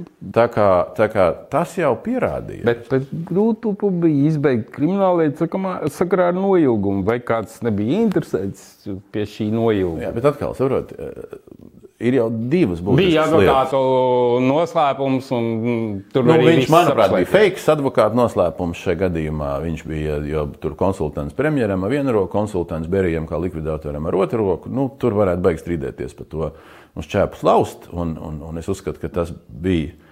Ta, tas bija case, kur, kur Grūtips parādīja savu, savu uh, nu, maigi izsakoties, uh, duālo dabu, lai neteiktu sliktāk. Tuvi, ka viņš nošāvās un neko neatklāja. Šī ir viena svarīga lieta. Es pa, pa, pa, pa, pa, pa lapseniem pēc tam pateikšu, bet, eh, bet par to neatklāšanu. Eh, Man ir epizode, ko es visiem citēju, jo tiešām es uzskatu, ka viņi ir fundamentāli. Vita Matīs, nu, kur es tiešām uzskatu par gudru sievieti daudzos aspektos, eh, redzot lietas bija savādākā griezumā nekā tāds ikdienas, varbūt, politikas eh, analītiķis šeit Latvijā. Ah, Viņa Es nevaru pateikt precīzi atkal mēnesi, bet tad, kad bija visas tās jēzgas ar uzticības krīzēm, tautas partijām, emša, emša uh, portfeļiem un Lemberga pirmo arestu 2007. gadā, ja es pareizi atceros, viņi sēdēja man studijā un, un, un uz jautājumu, vai šobrīd notiek kaut kas nu, tāds ritīgi pagrieziens. Viņa aizgāja tajā atbildē līdz um, stāstam, ka viņa, viņas, nu, es tā ļoti vispārīgi atreferējot, viņa saka, es esmu izlasījusi visas memoārus, autobiogrāfijas, visas atmiņas, kas tie ir bijušas. Un, uh, un, un, un uz tā fona, ka es zinu, kas, notiek, kas ir noticis rietumos, arī nu, ilgā laika posmā. Es, es redzu pilnīgi skaidru vienu lietu, ka šeit neviens, kas bija iekšā, nav iznācis ārā un pateicis, kā bija. Un šis sajūdzās ar to, ko tu prasi. Jo, jo ja kāds pasaka, kā bija, tad, tad tas tiesiskums var darboties. Ja neviens nesaka, un ir viņa aizsardzība, tad, tad viņš nevar darboties. Un tad tā uzticība zūd. Replika, ko? Mēs taču esam naivi. Tu, tu tiešām domā, ka kādam blīņa mācītājs teiks, viņi izsūdzi grēkus un paliks vieglāk, un viņš izliks uz galda visas schēmas. Es zinu, Nē, protams, ka viņš ir tev ir tiesības neliecināt pret sevi. Bet, ja tu esi bijis klāt, un tu neesi nozieguma dalībnieks, bet tu zini, tas jau saprot, nu, jebkuru noziegumu tu vari salipināt no mazām lietiņām. Ja? Labi. Es zinu, ka viens eh, bijušais Latvijas politiķis, kurš bija iekšā, um, nu, viņš man to teica nesen, kurš bija iekšā vairākās partijās un nevienā, vienā, nevienā vien, uh, sasaukumā parlamentā, ka viņš ir pārdomās, vai nepublicēt savas dienas grāmatas vairāk gadu garumā. Viņš tur taču ir bijis iekšā ļoti klāta. Uh, nu, tas varētu būt interesanti. Tas varētu būt varbūt šī pirmā reize. Bet šajā kontekstā kādreiz kaut kāda tāda frāze lasīja ģenerālprokurors, teica, ka pārāk daudz nopietni cilvēki tajā ir iesaistīti, un tas nenāks Latvijai par labu, ja tas nāks šī lieta atklātībā. Nu, Tas kaut ir- kāda frāze tur toreiz tika atreferēta, bet cik viņa ir precīza un cik, viņa, nu, cik tas citāts nav pārtaisīts, ja? to es neņemtos. Beigās izrādās, ka mēs parakstām ar kaut kādu Liechtensteinas firmu, eh, kuras vārdā parakstu Roberts Lavins, kurš pēc tam izrādās vispār praktiski neeksistē. Neeksistē, jā. Kuram Jā, bet tev- faktiski nav tāda džeka. Iedomājieties, mēs, mēs vienkārši paņēmām kaut kādus miljonus, nerunājot par to, ka viņi nevienojas pa taisno, kas ir jau absurds pēc Nu, būtības. jā, bet, bet tev jāsaprot, ir, ka, ka, kad, kad tas, tas vilciens brauca ārprātīgā apjomā. Banka Baltija visvairāk un pārējie drusku mazāk dalīja nekā nesaktas kredītus offshoriem, rindu Nu, rindām. tas vispār. galvojums arī bija smieklīgs. Nu, šis Faktiski, ir vien- vien... galvojums par tiem desmit Jā, miljoniem. vien, kaut vien, tā viena sastāvdaļa, un, un, Lavent, un, un, un, un tas bija. Un G24 tur tika dalīta visādiem kreisiem un puskreisiem veidojumiem. Nu, tas bija tas laikmets, jā. Nu, tas bija tas laikmets, vienkārši nu, tas ceļa rullis aizrullēja vienā virzienā, bet par to mēs neesam naivi. Nu, es uzskatu, ka visu laiku jācitē to ģermani. Ja? Nekur nav teikts, ka latvietim obligāti ir jābūt vientiesīgam. Nu, un, ir, un mēs esam. Bet tu padomā, cik līdzekļu tiek izšķiest arī šī saimnes izmeklēšanas komisija Andreja Panteļeva vadībā, tu, kur tur 66 sēdes kaut kādas noturējas. Nonāk pie tiem pašiem secinājumiem, ka principā ir afēra. Un beigās ir čuši. Es nepiekrītu tam, ka parlamentu izmeklēšanas komisijas ir bezjēdzība kā šķira. Tur ir nu, daudz pelēkie nu, toņi. Mēs Maksimus šajā kontekstā redzējām, cik daudz panākumu. Jā, bet tas, tas ir jautājums, kurš ko piesaistīs. Parlamentāro izmeklēšanas komisiju, kur ir kaut kāda reāla rezultāta. Nē, bet jautājums ir par cēloņiem. Parla... Saprot, akal, ir runa par to vannīti tagad. Uh, runa ir par sistēmu, vai par modeli, un runa ir par konkrētiem cilvēkiem. Parlamentāro izmeklēšanu modelis kā tāds absolūti nav slikts modelis. Ja ir tie izmeklētāji tādi, kas patiesībā netaisa feiku, un ja ir tie liecinieki, kaut kā ļoti nedaudz, ja? kas netaisa feiku. Bet, bet šeit mēs atgriežamies, un šeit mēs vēl vairāk atgriežamies pie tā, ka uh, nekas neizmaksā valstī dārgāk, tas nav mans citāts, nekas neizmaksā valstī dārgāk kā lēts parlaments. Un tas visus šos sasaukumus kopš 90 gadiem attīstās un attīstās un attīstās. Un... Ok, pamainām ķemačku. Viņš tas viss ir. Labsinēm gribi stāstīt? Davai. Uh, Latvijas energo grāmatvedis uh, nelaimīgi mira no Lapsenes. Jā, es domāju, Marcinkus. 30 metrus no manas mājas. Viņš man bija gandrīz kaimiņš. kaimiņš? Jā, nu, ča, caur vienu cilvēku. Es saprotu, ka no lapsenes koduma uz sitienu nemirst. Tur jābūt kaut kādām pāris stundām. Viņam bija, nu, viņa gadījumā tur tā alerģiskā reakcija, ko gan sieva zināja, gan visi zināja. Uh, tur nevajadzēja tik daudz, un es atceros, ka šodien, kad es braucu mājās un, un skatos, kas stāv tur teātrī, bet nu, es neesmu tur baigājis viņiem, tur nedraugs nekas. Bet, bet es to visu vienkārši nu, postfaktum.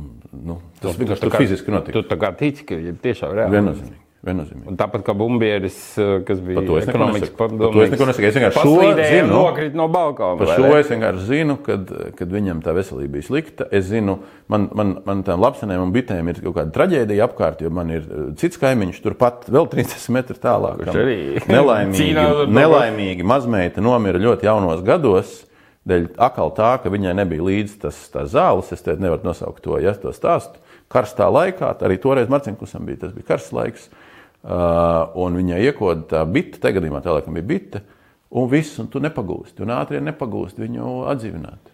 Tas viss iet pa minūti. Labi, es saprotu, tādu kojamets ar infarktu, šamējies ar iesaistītie Par kojametsu ir interesanti. Par kojametsu ir interesanti. Es savulaik tur vienu vienu, eh, vienu to medicīnisko kaut kādu apskatu, kuros tur laukos tas bija bijis. Es, es esmu lasījis viņu. Nu, tur gan ir interesanti. Jā. Tur ir interesanti. Labi. Bišķiņā atslēdzamies pa laukiem runājot. Tev bija eh, kopā ar tavu draugu Agri Nagliņu seces pagastā māja Meldernī, kura nodega pēc versijas sūdīgi tīrītas skurstenis. Mm. Tā ne, nebija, kur tu biji ieguldījis kopā ar Čomu diezgan lielus līdzekļus. Figurēja presē 30,000 uh, LS. Ja, un, un māja nodega pilnībā. Tev nebija aizdomas, ka tu zem kaut kā rodas un ka tev tur tā padedzināja. Es domāju, ka pilnīgi dziļa nejaušība un bēdīga nejaušība. Bija sāpe. Nu, man te ir man te labi, ka tur tas cilvēks, kas tur bija, labi, ka tas necieta bet pārdzīvoju. Tomēr tāda koka māja, beigi ieguldījušies. Es... Nē, nu, pēc tam ar kaut, ko, kaut kādu apdrošināšanu tur bija. Dabūjā, tagad apakaļ. tas ir viesmīlis. Tas sen pārdots. Pār, tas ir sen pārdots. pārdots jā, jā, jā, tas viss, jā, man tur nav nekāda. Jau. Cik gadi jau kaut kādi. Nu, labi. Ejam tālāk. Vai iedzeram tālāk, šo, vai? kā franču ražotājs. No jau baigi, jau produktu izvietošana. No, jā, baigā panesās. Viens no labākajiem konjakiem klasiskajiem. Nu, par to Inziņa ar tevi strīdētos. Nezinu, to Francijas. Tur baigi strīdētos. Tur pat nestrīdētos, pateikt, ka tu neko nesaproti. Mm. Labi. Tātad, to, kas notiek Latvijā, epopē beidzās to, ka Edgars Kots tevi dabūja prom. Tā tu es neteiktu. notiesājies Mēs vienkārši nenoslēdzām nekādu jaunu līgumu. Bet tas, ka es nejūtu, ka šī um, mēdīņu organizācija cenšas ar mani uh, pēc tiem desmit gadiem iet uz, uz, uz, uz jēgpilnu sadarbību, viennozīmīgi. Labi. Skatījos nesenā raidījumā, Krustpunktā, kur tu izvirzīji tādu tēzi, bet mm, nepaspēji attīstīt. Bet mm, es tur kā bišku aizķēros.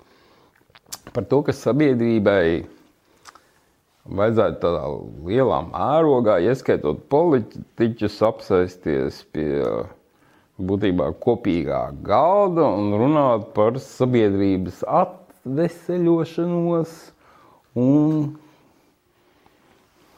atvesļošanos.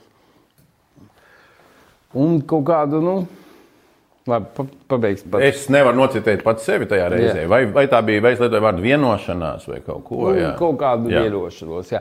E, Senāk tu biji skarbāks. Tu teici, e, tur džekiem ir jānožēlo savi grēki. Jāatskaita piķis e, Latvijas budžetā no offshore. Labi, tas bija ļoti naivi, bet tagad tu esi palicis tāds višķi rafinētāks jau. Nē, nē. tu ar šo saproti? Šo sabiedrības atveseļošanos, kaut kādus jaunos saprašanos, izlīkšanu, nezinu, visu to te. Tas ir interesanti, ka par šo te e- e- epizodi no tā raidījuma tu neesi pirmais režisors, tieši režisors, kas viņai ir pievērsis uzmanību. Kurš tad vēl to Nu, neteikšu, bet, eh, bet mēs neesam baigi čomi tādā ziņā. Ja? Bet, bet es baigi novērtēju, ka viņš man atrakstīja, ka, viņš ir, ka viņu tas arī uzrunājis. Tas man patika.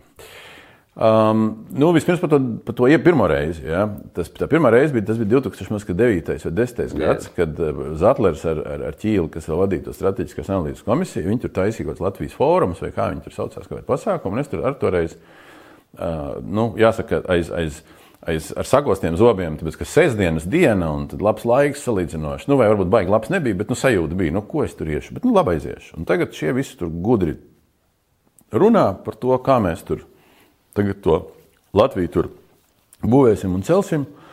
Un es vienā mirklī vienkārši nu, nenoturējos un pateicu, ka ta, ta, tas, tas kopējais message bija, ka, ka kamēr jūs šitā mūldat, tikmēr čaļi, nu, kas nav tikai 3A, daudzi čaļi. Labākā gadījumā uh, vispār nedomā par to, ko jūs te runājat. Sliktā gadījumā viņi neredz par to, ko jūs te darat. Ja?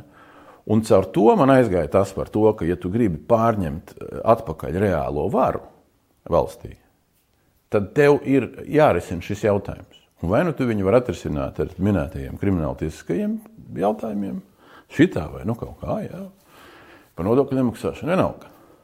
Vai nu tev ir jāmēģina nu, spēlēt citas spēles, nu, pirms tam pēcdienas izdomāt vēl kaut kas. Kas, protams, nu, tāda publiska fóruma, nu, tā atlaist tādu bazaru, nu, tas, protams, nav. Eh, Vēl viena cita lieta, kas bija. Protams, kā vienmēr, un nav baigais pārmetums, bet vienmēr mēdīji Eh, Nu, izvēl kaut kādu to virsrakstu, ko arī tu tagad esi palasījis, un vēl kaut kas, viņi izvēl kaut kādu to saīsinājumu, nu, kad Dombors rosina vienoties ar oligarhiem. Vai nu vienoties, vai nu kaut ko tur. Ja.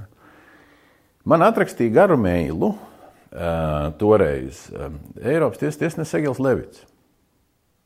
Pats pēc savas, nu, mēs arī esam sen pazīstami. prezidents. Mums. Jā. Kurš, kurš arī bija sadzirdējis, nu, viņu arī tas bija aizskārs kaut kādā mērā, un kurš sāka nu, kaut ko komentēt, ko var, ko nevar tiesiskā valstī, kas ir ok, kas nav. Lai gan nu, tā pārlecot pāri, man liekas, ka viņš vairāk bija vadījies no tā, no tā atreferējuma, nevis no tā pilnā. Nu, viņš nebija pirmā vodu dzirdējis kopumā. Bet, anyway, tas bija interesanti. Tā tad arī tur bija kaut kāda refleksija. Tas, pa ko es domāju tagad, uh, nu, varbūt tā ziemā. Um,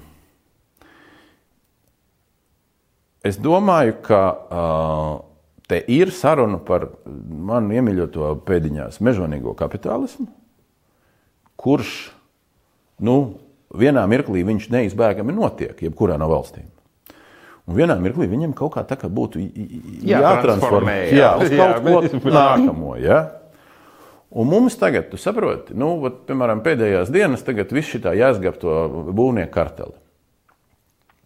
Un vajadzēja tur izbeigt, nebeigt, čušņi, čušņi, labi. Bet, bet, bet tas stāsts, jā, bet tas stāsts bija savādāks, man liekas. Atkal, tur ir tas pats gadījums, ko tu vari pierādīt, ko tu nevari pierādīt. Jā, kāpēc tā lieta tur gulēja ilgi, nē, un kas viņu piesaistīja. Tas kopējais stāsts, nu, ka tie džeki, visi, kas tur ir, kurus es tur pazīstu, kurus nepazīstu, nu, ar retiem izņēmumiem, vismaz man gribētos tā domāt, viss tas saraksts, kas tur piedalās. Viņi jau visi ir tas pats mežonīgo kapitālismu, pat pirmsākuma produkts. Un viņš, nu, ja viņu nepiespiež mainīties, nu, viņš jau nemainās. Kā viņi var piespiest mainīt? À, ne, nu, tas ir tas stāsts par to, ka kad valstī, kurā ir demokrātija, viņi, neskaitot cik viņiem miljoni, viņiem pieder katram viena balss. Viņi neko nevar ietekmēt. Nu, tā tehniski neko.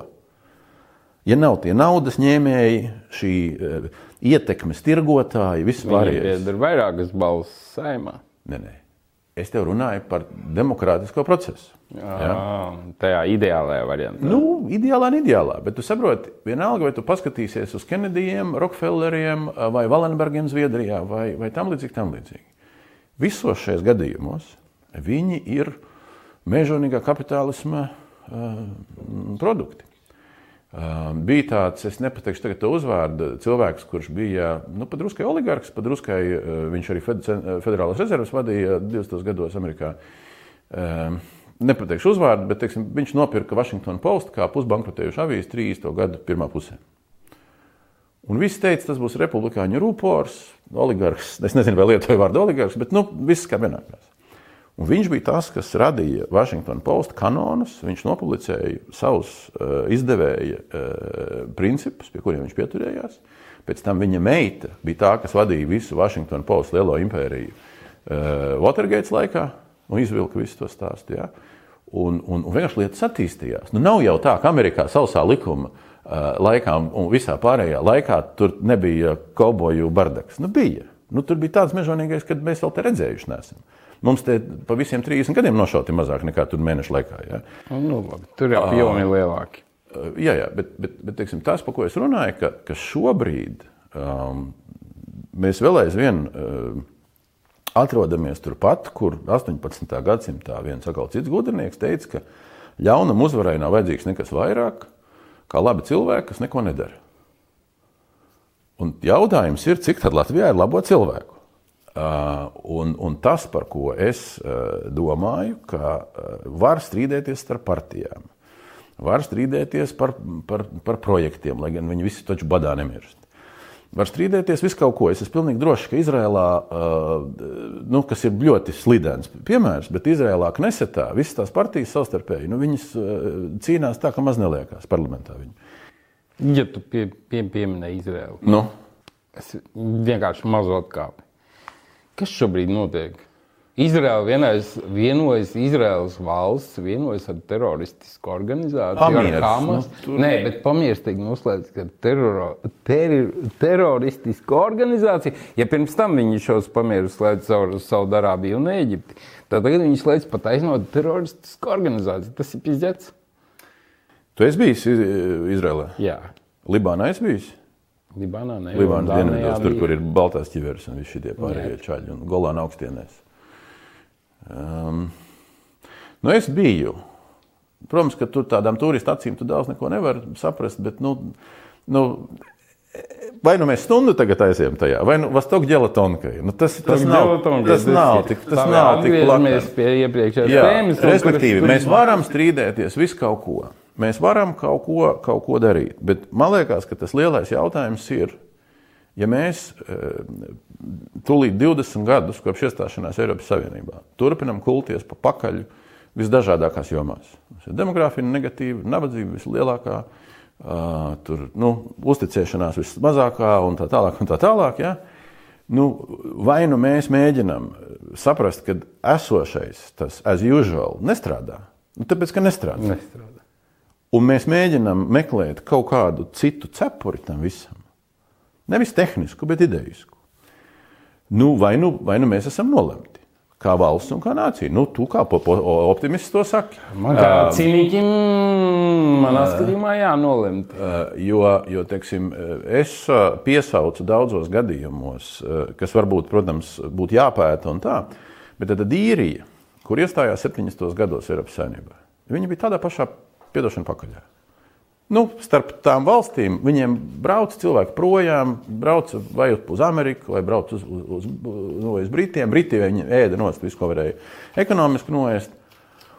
Un viņi 80. gados uztaisīja nu, vienu dokumentu, ko es zinu un ko es esmu lasījis, ir recovery programma, kura it kā ir ekonomiski orientēta, bet viņai apakšā tomēr ir šis fundaments, nu, ka džeki, nu, nu, vai nu kaut kā restartējamies, Nu, vai nu, ko tad mēs, tad mēs te gribam kaut ko vai ne, kaut ko negribam? Un, piedod, un desmit gados ir, ir top 5 Eiropā. Desmit, nu, 15. Tiešām top 5? Jā.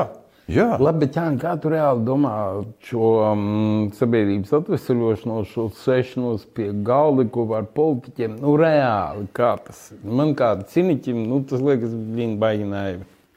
Nē, nē, nu, kā, nu, ja, ja viss būtu tik vienkārši, jā, tad tas viss nu, būtu izdarāms. Bet, bet, Bet, bet es domāju, no tādas procesa, kā mēs man, man, nav, man nav detalizēta. Ar ko apsēžamies? Nē, nē, man nav detalizēta, protams, ar Šlēseru, ar Šķēli, ar Lembergu. Dabūnu viņu ārā no cietuma. Apsēžamies pie galda un runājam, veči, davai tagad Latvijas vārdā kaut ko darām. Nu, nu kā, Šobrīd jā. tu pats mēģini to padarīt par farsu. Nu, bet tas ir fars. Nu, tas ir utopiski, tas, ko tu bīdi. Viss cieņu tavam ideālismam un pārliecībai, ka tas ir iespējams. Bet... Tu jau vairs nerunā par to, ka džeki no offshoriem atgriezīs naudu Latvijas budžetā. Nu, redzi, eh, ne, es pat neatceros, vai es tik ļoti tā to teicu. Tieši tā, naudas atgriešana uh, ir tāds relatīvs jēdziens, uh, jo tā nauda jau var nu, fiziski turpināt atrasties kaut kur ārpusē, ja viņi ir zem kaut kādas kontrolas. Uh, un dažām naudām varbūt labāk neatgriezties, bet, bet ne par to runa. Um, es domāju, ka um, tā līdzība par to, ka nekas nebūs, tā līdzība ir ar to posmu, kas, kad radās, kas notiek Latvijā. Jo principā bija sajūta, ka mēs esam nu, kaut kur pa vidu starp nezinu, Albāniju, nezinu, nu, lai man piedod Albāņi vai vēl kaut kādām valstīm. Ja? Nu, vēl, nu, tāda nu, pusmafioza valstele, ja? kur, kur nu, nu, nu, nav vispār nekādas. Ne, ne, nu, ja tu tā soli pa solim paiesi, uz priekšu. Nu, situācija ir mainījusies. Ja kāds tajā laikā spētu iztēloties, ka kaut kāds vispār tāds, kas notiek Latvijā, var tā vispār funkcionēt, kā viņš funkcionēja.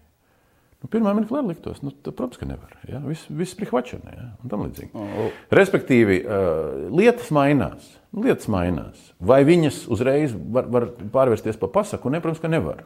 Mainās paudzes. Protams. Bet eh, mans iemīļots pantiņš ir, eh, kad Gorbačovam līdzās vārdam perestroika bija otrs slavens vārds, kas saucas glasnests. Un atklātums Latvijā jau vienalga ir tas publisko debašu jautājums. Nu, arī šobrīd, iedomājieties, tev ir valdība, kas, man liekas, tūlīt jau būs nepopulārāka nekā godmeņa valdība 2009. gada sākumā. Nu, kad, jau ir. Varbūt jau ir, jā. Uh, ar socioloģisko kļūdu, plus mīnus. Un, un šī valdība turpina katru dienu zombēt, Kašparovska stilā, ja? zombēt cilvēku stundām ilgi no kaut kādiem ekrāniem. Ja? Uh, nu, tās lietas var mainīt. Tās lietas var mainīt, bet, protams, ka tur ir jābūt, um, uh, tur jābūt personībām. Tur ir jābūt nozaru elitēm, kas to grib darīt. Labi, es saprotu, ja negrib, tad arī nebūs. Uh, Bet tagad tu, tu ļoti labi slaidīji pārgājis to savu filmu 4. maija republiku, ko kopā ar Antru Cilinsku jūs uzveidojot Jūra Podnieku studijā. Un es teiktu tā, noskatoties šo filmu, nu, tu varētu turpināt līdz šodienai tādā pašā garā un nekas nemainījās. Jā, jā. Un, un, un, un rezumējam to tātad 4. māja deklarācija mums deva ko tiesiskumu, vārda brīvību, ja, kapitālismu, demokrātiju, UTT. Uh, bet filmu var turpināt otro daļu. Es ceru, ka tu uztaisīsi. Tieši nekas nemainās. Un šeit ir analoģija ar tādu tā kā futbolu, ja, kur tu esi tāds, nu, tagad futbolā ir populāri tas var, ja, kurš kaut kā var ietekmēt spēli attiecībā uz kaut kādu pendeli. Ja viņi paskatās tos atkārtojumus, viņi saka, tur ir pendelis vai attiecībā uz sarkano kartīti. Vai tev nešķiet, ka tu kā žurnālists, nu, kurš iedziļinās visos šajos procesos, paliec būtībā tādā var statusā, ja runājam joprojām futbola analoģijas, bet kurš nespēja ietekmēt tā ļoti spēli. Jā, vienu pendeli, jā, vienam tur sarkano kartīti vajag, viņš paiet malā, viņa vietā uzreiz ir cits. Vai tev nešķiet, ka tā lielā problēma, tā visu laiku kaut kur piesieties, bišķiņ, bišķiņ, bet spēle turpinās, pamainās bišķi, varbūt kaut kas, bet baigi nevar ietekmēt. Tā spēle ir un būs, un ka, ka vienīgais veids, kā ietekmēt, ir vispār sākt citu spēli šajā spēlē neko nevar izdarīt reāli. Nu, es nezinu, kā tu iztēlojies to citu spēļu sākšanu. Um, man, es tev pēc brīdiņa to izstāstu. Man liekas, ir jābūt ļoti uzmanīgiem ar uh, tādām uh, vingrojumiem par tēmu žurnālistiskā ietekmētājs. Tas ir drausmīgi slidens un bīstams ceļš. Sarmīgi, kādēļ tev, tu, tu, tu vienmēr esi runājis par savu misiju? Jā, bet tā misija uh, var uh, notikt uh, vienkārši caur to, ka tu uh, attīsti procesu. Tā, tā misija var būt caur to, ka tu uh, tiecies aizvien vairāk kaut ko atklāt vai kaut ko konfrontēt. Nu, tas ir žanri jautājums. Ja? Uh, bet tā misija nav tevi ietekmēt tieši vienā virzienā. Jo sliktais piemērs savulaik uh, sāka līst ārā Armītas Elertes dienā. Nu, kaut kādā vidusposmā, ja, kas sākās jau šī runa, kuram jāuzvar vēlēšanās, kuram vēl kaut kas jāizdara. Tas ir slidens celiņš. Ja. Tas ir slidens celiņš. Nav mērfijas. Ja jums ir viens variants, tas ir nepareizais.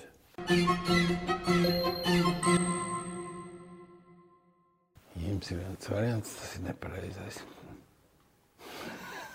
Žurnālistam ir jāšaubās, bet viņam ir jāveicina šī Eh, nenaivā šaubīšanās. Viņam ir jāveicina eh, informēta šaubīšana, evidence-based, eh, teiktu zinātnieki. Ja? Bet, ja mēs bišķi reducējam viņu uz tādu zinošu sabiedrību, ja? tad vienalga tā sabiedrība ciena sevi un viens otru kā, kā sabiedrības dalībnieku, un viņi runā par faktiem.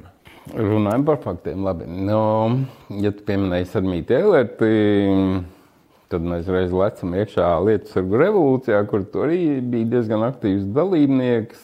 Mm, atkal es runāšu no savām cīniķa pozīcijām, kas man likās ļoti smieklīgi, jo viens ierēdnis nabā uh, tiek, uh, kā, viņa amats tiek apdraudēts, uzreiz taisam lielo tautas sacelšanos par šo ierēdni, kurš principā knabu darbošanās laikā reāli neko nav izdarījis.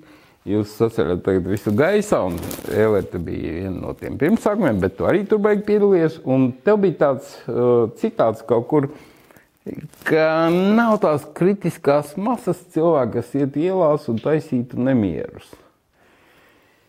Bet vai tā nebija tukši, nu, labi, tur Kalvīša valdība tajā brīdī atkāpās, nekas nomainījās uz nākamo, nekas īpaši neizmainījās, vai tā nebija pa tukšo izšauta patrona?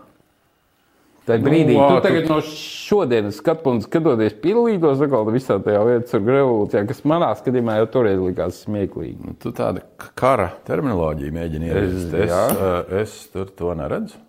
Nu, labi, tev, es, tavuprāt, bija um, jāga no šīs es, lietas. Uh, es lūgtu tevi pārbaudīt, vai es lietoju vārdu nemieri.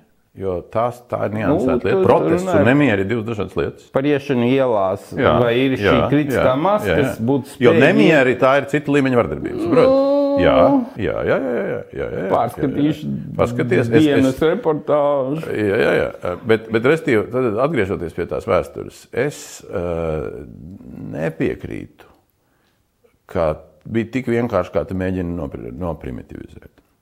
Tātad tur bija simboliskas lietas Tur bija runa par nu, tie, kas aptvēra varbūt to slāni, aptvēra, tad, ka knabu izveidoja ne Latviju bāliņu.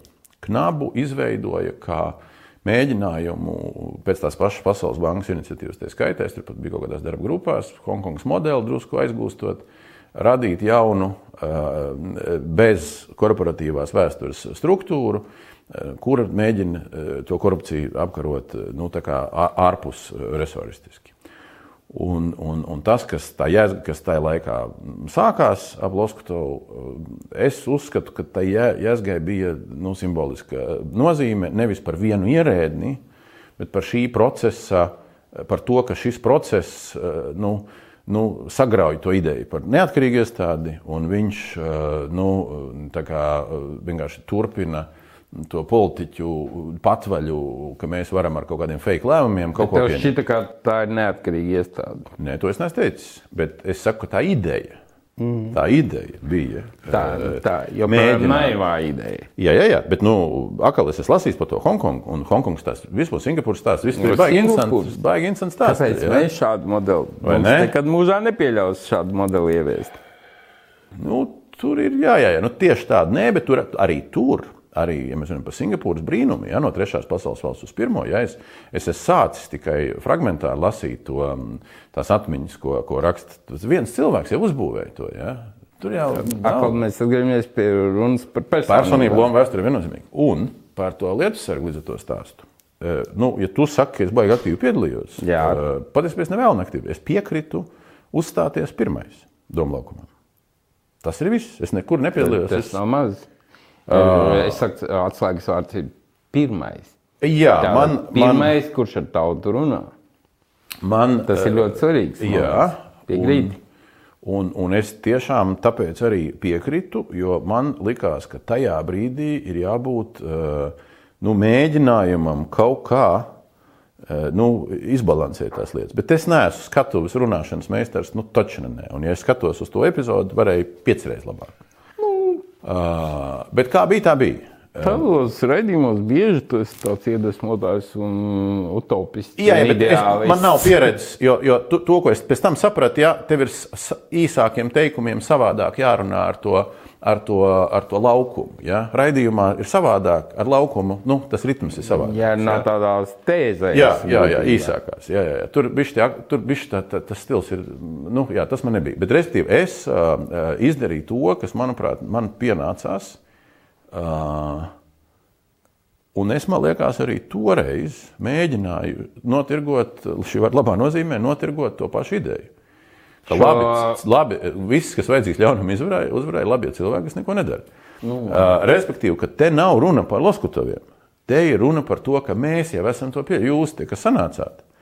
Un tā ir tā mana ideja, ka 20 gadus jūs taču nesanācāt. Un tas arī ir 4. maija republikas ideja ka tad, kad zog kuģniecība, tad vienīgais sanāciens ir pa Marijas uh, Naumovas uzvaru Eirovīzijā, Doma laukumā.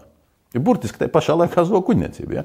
Es, prie, es piekrītu, ka Marija jāsagaida, bet nav tirgus. Ja? Tajos gados savukārt to kuģniecību pilnīgi sajāja. Nē, nu, viņi vienkārši savāca tie, kas savāca rituāls un, un viss, un viņi aizgāja. Un tas ir vēl viens liels jautājums, ja, ka mums tie, kas, to es arī esmu daudzkārt teicis, ja šķēli būtu nevis, nevis iztirgojis avelatu, bet tiešām viņu padarījis par topu um, pasākumu. Ja Vēnspilsnieki būtu uzcēluši Vēnspilsnu kā spēcīgāko ostu, nu, nezinu, ko Ainārs varētu izdarīt. Vai, vai Vārtinsons ir uzcēlis spēcīgāko ostu būtībā. Nē, nu, šobrīd, šobrīd jau sen viņa nav spēcīgākā osta. Līdz ar to, un, un, un viņa nepieder nekādiem pat ne vietējiem, ne spēcīgiem, mm, spēcīgiem jā. akcionāriem un tam līdzīgi. Uh, kad, kad, nu, tā, tā ir tā bēda. Līdz ar to. Uh, Bet no šodienas skatu punkta, um, tev liekas, bija to vērts tā lietas? Protams. Protams, viss ir tā. Vis, vispār viss ja nebūtu ir. toreiz šī lietas revolūcija, varbūt šobrīd tā kritiskā masa, kas būtu gatava protestēt, uh, būtu daudz lielāka. Bet toreiz tas tika izšauts pa tukšu un nekas reāli nemainījās. Nepiekrīt. Manuprāt, uh, nē, nepiekrītu. Mēs nezinām, kā būtu, ja būtu. Uh, es es Beigās principā uzskatu, ka tas ir Džeks pēc visu šī pasākuma. Tas ir cits pasākums. À, tas bija tā. Tas ir tas, ir tā. Jā, tā domā okay, Ants Jatovs. Un to raidījumu es, es dažreiz paskatos. Tu viņu dabīji uzreiz, nākamajā jā. dienā gan rīz vai? Jā, jā, jā, jā, un sēdēja visi politiķi un atskaitījās. Jā, jā, jā tas, bija, tas bija fundamentāls brīdis, un tas jau bija tas totālais uzticēšanās krīzes brīdis. Lietu sarga revolūcija bija laba brīdi iepriekš. Un viņa bija tas sācinājums. Es neredzu, uh, skatoties uz nezinu, nu, vai Francijas, piemēram, kaut kādām lietām, vai vēl kaut kas. Es neredzu, ka Latvijā būtu sliktāk, ja, ja Latvijā būtu spēcīgi protesti, vēl piecreiz spēcīgāk nekā kastroļu daudzīšana pagājušā gada vasarā no krodziniekiem vai no daudziem citiem. Ja? Studenti, ka ietu nevis reizes piecos gados, bet, bet, bet vismaz reizes gadā par kaut kādiem jautājumiem. Saprotu, ka neies neviens. Nē, neko nezinu. Ir gājuši, ir bijuši arī skaisti gājieni. Ja? Um, tā kā, un, un arī, teiksim, nu, Cunftē, kur, kur, kur tu esi klāt, jā, arī, nu, tad, zini, dažādas pasaules valsts, kur, kur dažādi aktieri vai režisori dažādi izpaužās, jā. Un mēs, es domāju, un te mēs nonākam, protams, pie lielās lietas par to, ka stāsts jau nav par to formu, ko mēs apspriežam. Lietus sargi, ne lietus sargi, Ansis Satos. Mēs runājam par pašcensūru. Un tas man fundamentāli uztrauc. Tev ir pašcensūra. Es domāju, ka noteikti viņa zemapziņas līmenī kaut kur dzīvoja. Tajā kontekstā, ko tu kaut kur teici, ka tev ir ļoti daudz neformālas informācijas, kur tu nedrīkst publiski paust, un ka kaut kā tev atmiņā tas saplūst un beigas sevi jākontrolē, lai tu neizrunā kaut ko tādu, nezaudēt uzticību arī Jā. tiem, kas tevi informē. Jā. Bet tu nevari visu runāt, un tas ir tā pašcensūra. Ne, tā nav pašcensūra. Tā nav pašcensūra. Tas ir uh, labāk, informēta, labāk informēta cilvēka uh, darbs. nu kā, ja tie cilvēki nav gatavi uh, publiski un, un, un, un, un, un zem savu vārdu to informāciju man dot. Esi kādreiz izmantojis šo informāciju? Es lasīju vienu tādu krūtu žurnālistu, nepateikšu tagad uzvārdu kur viņš runāja par to, kad mēs izslēdzam diktafonu un cilvēks pēc tam vēl kaut ko sarunā. Viņš uzskata, ka, nu, ko viņš negrib pie kamerām, mm. ja, mhm. viss ir beidzies. Un tā informācija viņš pēc intervijas pasaka kaut ko vairāk. Tu ētiski ir izmantot šo informāciju vai nē? Viņš uzskatīja, ka ir. Uh, jo tu esi 24 stundas laikā reportieris, ja tu man to stāsti, es to varu izmantot. Es biju savādāk redzu, es redzu tur divas lietas. Uh, pirmā lieta ir um,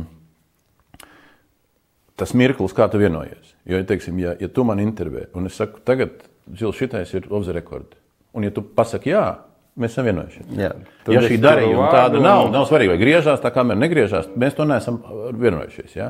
Līgums arī civiltiesībās var būt mutisks. Tā ir viena lieta. Otra lieta, bet ja tas ir, nu man arī ir no 4. maija republikas atsevišķas pēc interviju epizodes. Ja? Nu, viņas tur arī paliks. Ja? Um, otra lieta, manuprāt, bet tas mums ir ekstrēms redzams gadījums ja tur viņš ir pateicis kaut ko, kura uh, izmantošana tālāk var novērst, es nezinu, nu, tur izlaupīšanas, nemieras, nu, karus, es muldu, ja jebko. Nu, tad, nu, tad, jā, tad tas ir sabiedrības interesēs, uh, jo man ļoti patīk, es, uh, jāsaka, jāsaka, šo vingrojumu mēs pat sarunās ar Latvijas televīziju izvingrojām. Man ir kopš seniem laikiem tāda uzmanība uz krimināla likumā pantu, kas saucās, un man liekas, ka viņš nav piemērots Latvijā, es vismaz neesmu dzirdējis, attaisnojams profesionālais risks. Un šī panta ideja ir aizgūta, protams, no kaut kādiem rietumu kodeksiem sen jau. Ka, ja tu, ka, ka tu vari veikt darbības, kam ir nozieguma sastāvs, izņemot slepkavošanu, nu, vardarbības un tādas, ja tu ar to novērs atkal sabiedrības, vides, vēl kaut kādas kaitējumus. Tas būtu līdzībās, es iefiltrējos narkokarteļā bandā un pēc tam arī kā tai brīdī esmu ārpus likuma, bet es to daru tāpēc, lai pēc tam šo. Jā. Jā. Jā. Mums bija saruna, piemēram, vai tu, vai tu Jāni, varētu dot kādam kukuli kā kriminālu, un uz ko es tieši piesaucu šo punktu, ka, principā, nu, ja ar to var kaut ko panākt, vai not? Tiešām. Es tikko dzirdēju to, ko es dzirdēju. Nē, Jā, nē, nē, Dombors ir gatavs gūt. Šī ir laba vieta, kur iespējams ir izgriezt un kaut ko izlikt virsrakstā. Ja? okay, mēs dzirdējām to, ko dzirdējām. Tas arī paliek. Labi, pamēģināmies atkal bišķiņu. Tu divus gadus intensīvi pētīji tos čekus maisus, tev bija uh, raidījums un raksti maisi vaļā. Un tajā visā konsensusā beigās tu tā kā pēdējā raidījumā teici, ka ir vērts iedziļināties tajā, ko varas sistēma nu, var darīt un kā ietekmēt cilvēkus. Un tas nav tikai pagātnē, bet tas arī maybe var notikt tagadnē un nākotnē. Un tāpēc bija to vērts. Bet kādas tad ir? Nu, kas tās ir? Tās par atziņām bija to vērts. Bija vērts ko? Nu, vērt tik vēlu šos maisus vaļā, zinot šo fragmentāro saturu. Man, man tas kaut kā, es baigi neiedziļinājos tajā, man godīgi sakot, arī neinteresē, man pārsteidz daži cilvēki tur atrašanās, bet kaut kā, nu labi, pieņemsim, es esmu diezgan nihilists un ciniķis, un man tas vispār nekustināja, bet kādas ir tavas, tā kā, tomēr tās globālās, tā kā, atziņas, ka tu izgājis esi visam šim procesam cauri, ticies ļoti daudz cilvēku intervējis šajā jautājumā. Bija vērts. Ne, nu, redz, te ir atšķirība mūsu statusos. Tu esi nu, ar subjektīvu savu personisku viedokli, un tu nu, neievēro žurnālistu kanonus. Vispār ne. es savukārt cenšos, lai gan es neesmu nekur baigi kaut kādu vienu kodeksu ievērojis, bet es kaut kādus principus ievēroju. Un man šai gadījumā tas princips bija, ka ir informācija salīdzinoši publiski redzama, un informācija, par kuru man ir kompetences vēsturiski. Un viņa, un ar viņu neviens nestrādā. Viņa vienkārši ir. Un eh, nākamais, kas pārbaudījās praksē, ka par šo informāciju ir interese daudziem cilvēkiem. Jo, teiksim, nu, man te jāsaka tā, ka tas uh, viss tas cikls, kas bija tie daudz desmit rakstu un kaut kur pie desmit raidījumi, nu, tur bija reti kurš uh, ne, negāja desmitos tūkstošu skatījumu. Reti kurš. Viņu lasīja. Viņu, manuprāt, ļoti cienījami lasīja uz viņu rezonēja. Tur mums nāca uh, liecības, kuras no ārzemēm, uh, kuras uh, tas bija varbūt pat mēnešu jautājums, ka viņas vairs nekad neatnāktu, ja? jo vienkārši cilvēki ir, ir, ir gados. Un, un līdz ar to es domāju, ka mēs izdarījām vienu darbu, ko Latvijā kaut kādi pētnieki, vēsturnieki, nevēsturnieki nebija izdarījuši. Um, par to vērts, nevērts, nu, tas viss ir relatīvi. Nu, tas viss ir relatīvi. Tavas atziņas. Uh, Kas tas vispār bija par fenomenu? Fenomens kurš? Šo tučīšanu. Nē, nu, nu, to es mēģināju arī tajā pēdējā gabalā teikt. Nu, tā ir gadījums no gadījuma. Tas nav tāds ļoti vienots un monolīts tāds, uh, uh, fenomens. Uh, nu, tāpat kā jebkur, tāpat kā Štāzija Vācijā, vai, nu, tas nav. Tas nav. Bija cilvēki, kas bija vienkārši nu, savas mazās karjeras un, un, un vājā rakstura. Un, un, un tas ir tas, ko es piekrītu visiem, kas saka, ja mēs tur būtu, mēs nezinām, kā, kā mēs, mēs būtu rīkojušies. Mēs varam tikai hipotētiski spriest par to. Tieši tā, tieši tā. Bet, bet, bet lielās līnijās ir tieši tas, ko tu citē. Kā ir runa par eh, indivīda un personības attiecībām ar varu. Nu, par lietām, ko dažreiz ir izredzēts. Ja? Tās ir lielas lietas, ja? cik, viņš ir, cik viņš ir savā būtībā uh, gatavs uh, uz vienām vai citām lietām, dēļ citām lietām. Ja? Bet atkal hipotētiski, ja nu mēs tomēr nonākam pie kaut kādas sakot, totalitāras varas, es domāju, šī izvērtēšana, nu, šie secinājumi nenovērstu, nu, mm, saprotot cilvēka psiholoģiju un rūpes par sevi, mēs To nevarētu novērst. Un būtībā mācības nav nekādas, atkārtotos viss tieši tas pats. To mēs nezinām. Uh, Tad domāju, ka mēs tagad to visu izvērtējot, tagad uh, cilvēki mainītos pie nākamās tādas situācijas, šis pats neatkārtotos simtprocentīgā apmērā? Nu, mēs nezinām. Ne, nu kā, nu, uh, pirmkārt, nav jānonāk pie totalitāras iekārtas. Tas tevis pieminētais um, tas um, rezumējums, viņš jau runāja par šodienu arī. Nu, nu kā, nu arī, arī jebkurā demokrātiskā valstī vienmēr ir risks, ka pēcdienas iesaistās spēlēs, kas vairs nav vērstas uz demokrātijas stiprināšanu. Un nu, nevajag tikai Watergate pieminēt, ja? ir, ir neskaitām gadījumu. Un Latvijā jautājums, ko arī nav cēluši, nu, varbūt pietiekami daudz, es domāju, gan juristi, gan, gan politologi augšā, spēcdienestu demokrā, nu, teiksim, demokrātiskā uzraudzība pa spēcdienestiem. Ja?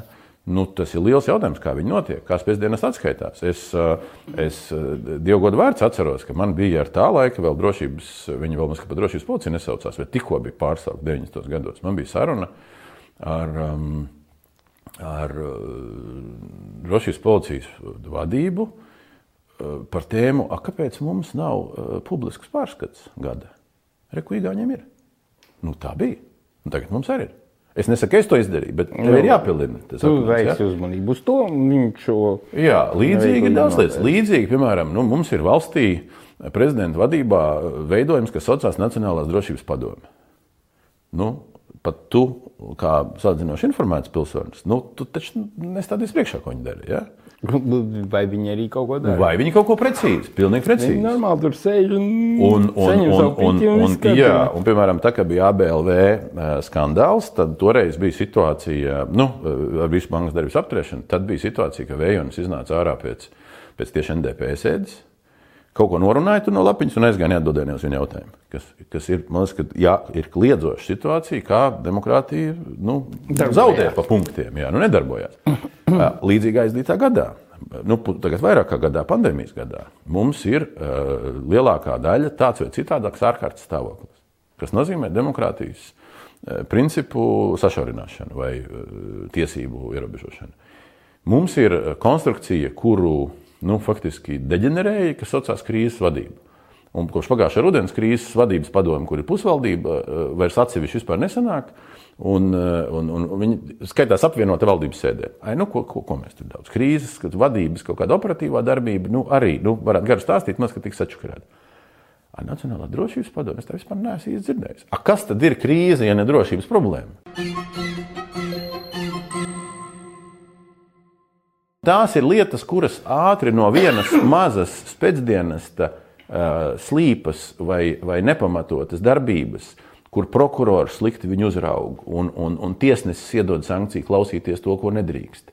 Uh, ko nav pamata klausīties, un tam līdzīgi. Tas ātri aiziet līdz valsts nozagšanai atpakaļ. Bet mēs jau arī tur esam. Tāpēc es tev jautāju, vai būs otrā daļa. Jo 4. maija republikai, jo būtībā labi kaut kādas lietas mainās. Vienkārši ir oiki un covid. Uh, naudas, kas saka, miljardu izsaimniekošanu vai tā tālāk. Un mēs redzam, hoķi čempioni, kā Rinkevičs sēž kopā ar Martinsonu un Magoni. Ja, nu, viss joprojām, joprojām tie astoņi kā viss darbojās. Nu, kurā brīdī nekas jau nav mainījies reāli. Tikai viss kļūst daudz rafinētāks un citas lietas. Nu, Vēlns ir detaļās. Nu, lietas mainās. Lietas mainās. Lietas mainās. Tev šķiet, ka mainās? Man šķiet, ka mainās. Un katru dienu ir tā pārbaude, vai viņas mainās uz vienu vai uz otru pusi. Katru dienu. Uh, nu, piemēram, tagad arī Rinkēviča stāsts. Es rūpīgi izlasīju šorīt, tā kā mēs esam ne, tajās pašās dienās, šobrīd es rūpīgi izlasīju visu to Twitter to mm, iezgu. Un pastījos, kāda tur ir jautājuma, uz ko ir atbildes no, no, no tur Zana Kalniņa Lukaševica, tur iesaistās, kas ir parlamentārā likuma sekretāra un tā. Un, un, un, un būtu ļoti interesanti, kad to konkrēto epizodi izpreparētu līdz detaļām. Tagad. Ot tad tieši kāds protokolārais darbs bija jāveic ārlietu ministram, atrodoties vienā ložā ar bijušo, jo Magonis jau tur bija kā bijušais hokeja uh, savienības prezidents. Mm -hmm. Bet jautājums nav par viņu, lai viņš tur ir. Jautājums ir, vai ārlietu ministram bija šī funkcija Šos jautājumus eh, tavs kolēģis Latvijas lapsē, es nezinu, vai tu uzskati viņu par kolēģi, ir baigi precīzi nodefinējis un uzdevis Rinkevičam. Pagaidām, nu, daudz, tur nav. Arī Twitterī tur ir daudz visu kaut ko uzdevuši, uh, un pastīsimies, jā. Un, un šis ir piemērs, uh, kā katrā gadījumā var vai nu pavirši atmest ar roku, vai nu kaut ko darīt ņemot vērā, to filmu tā arī neparādīja Latvijas TV. Parādīja. parādīja vasaras vasaras karstumā, augustā parādīja. Jā, jā, jā. Vispirms bija liela jāsga, un pēc tam. Es te nevaru pateikt. Nu, nu, ne, sen nu, jau, jā. Nu, sen, sen, jā, jā. Nerāda katru gadu tā kā vajadzētu. Ne. Es piekrītu, nu, jā, ka viņi ir. Man bija interesanti, es biju, laikam cēsīs, tas bija toreiz, es biju uz vienu sajietu, vairākus gadus atpakaļ jau ar, ar skolotājiem, nu, kaut kāda organizācija tur uzaicināja mani. Un, es, un mēs sākām tur savstarpēji sarunāties. Es saku, no, kā, no kādiem materiāliem jūs mācāt jauniešu šobrīd? Par 90 gadiem. Tāpēc jauno laiku vēsturi. Jā, visjaunāko laiku vēsture. Un viņi man kaut ko sāk stāstīt, nu, tur, tur atmoda, tur kaut kas. Es saku, nē, nē, nē šito noņemam nost. Bet tad, kad dziesmas izdziedāja un visus karogus nomainīja, tad. Kas bija aizmugurē? Un es viņai es, es saku, nu kā, nu, nu tad rādiet to filmu visiem vienkārši. Nu, nu, divas stundas tik jāpatērē. Nu. Tieši tā. Un, un es domāju, ka tā ir tā problēma. eh, Par to, ko tu saki, vai simtprocentīgi kaut kas atgriezīsies vai neatgriezīsies. Tā problēma ir, eh, vai tā paudze, kurā nebija tur klāt, vai viņa apjēdz. Kā viņus var apčakarēt vēl trīs ar pus reizi? Ja? Nu, Jo, ja viņi apjēdz, un otrs, vai viņi ir tiešām gatavi pagulties zem, zem visādiem dīliem. kas izmainās? Pieņemsim, labi, man, es kā cīniķis, es nekad neesmu piedalījies vēlēšanās, es vēroju no malas. Man vienmēr liekas, tik paradoxāli šie izteicieni. Ja tu neesi vēlējis, tu nevari kritizēt. Manuprāt, ir tieši otrādi. Es neesmu vēlējis, es to dievu arī to sūdu, es varu kritizēt. Bet tie, kas ir ievēlējuši konkrētos politiskos spēkus, tie nevar kritizēt. Man liekas, visi var. Nu, Man liekas, ka visi var. labi, visi var. Jo, jo, jo, jo, jo tu vari kritizēt, tāpēc ka vēlēšanas notiek katru dienu. Labi, jā. Bet mēs nonākam pie fundamentāla jautājuma. Redzot, ka nu, tāpat ja, šie zēni, atkal jaunas schēmas, jau, jaunas kaut kādi jauni veidojumi un nekas nemainās.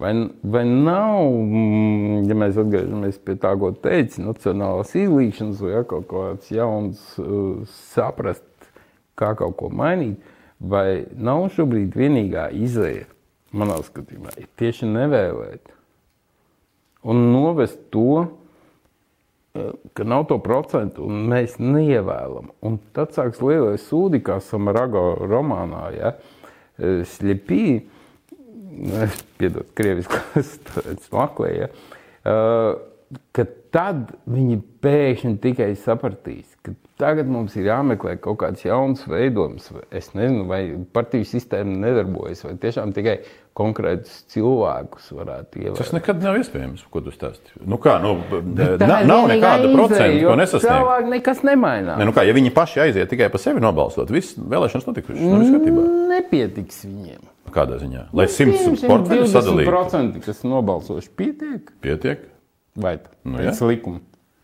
Es nevaru iedomāties, kādas tur problēmas varētu būt.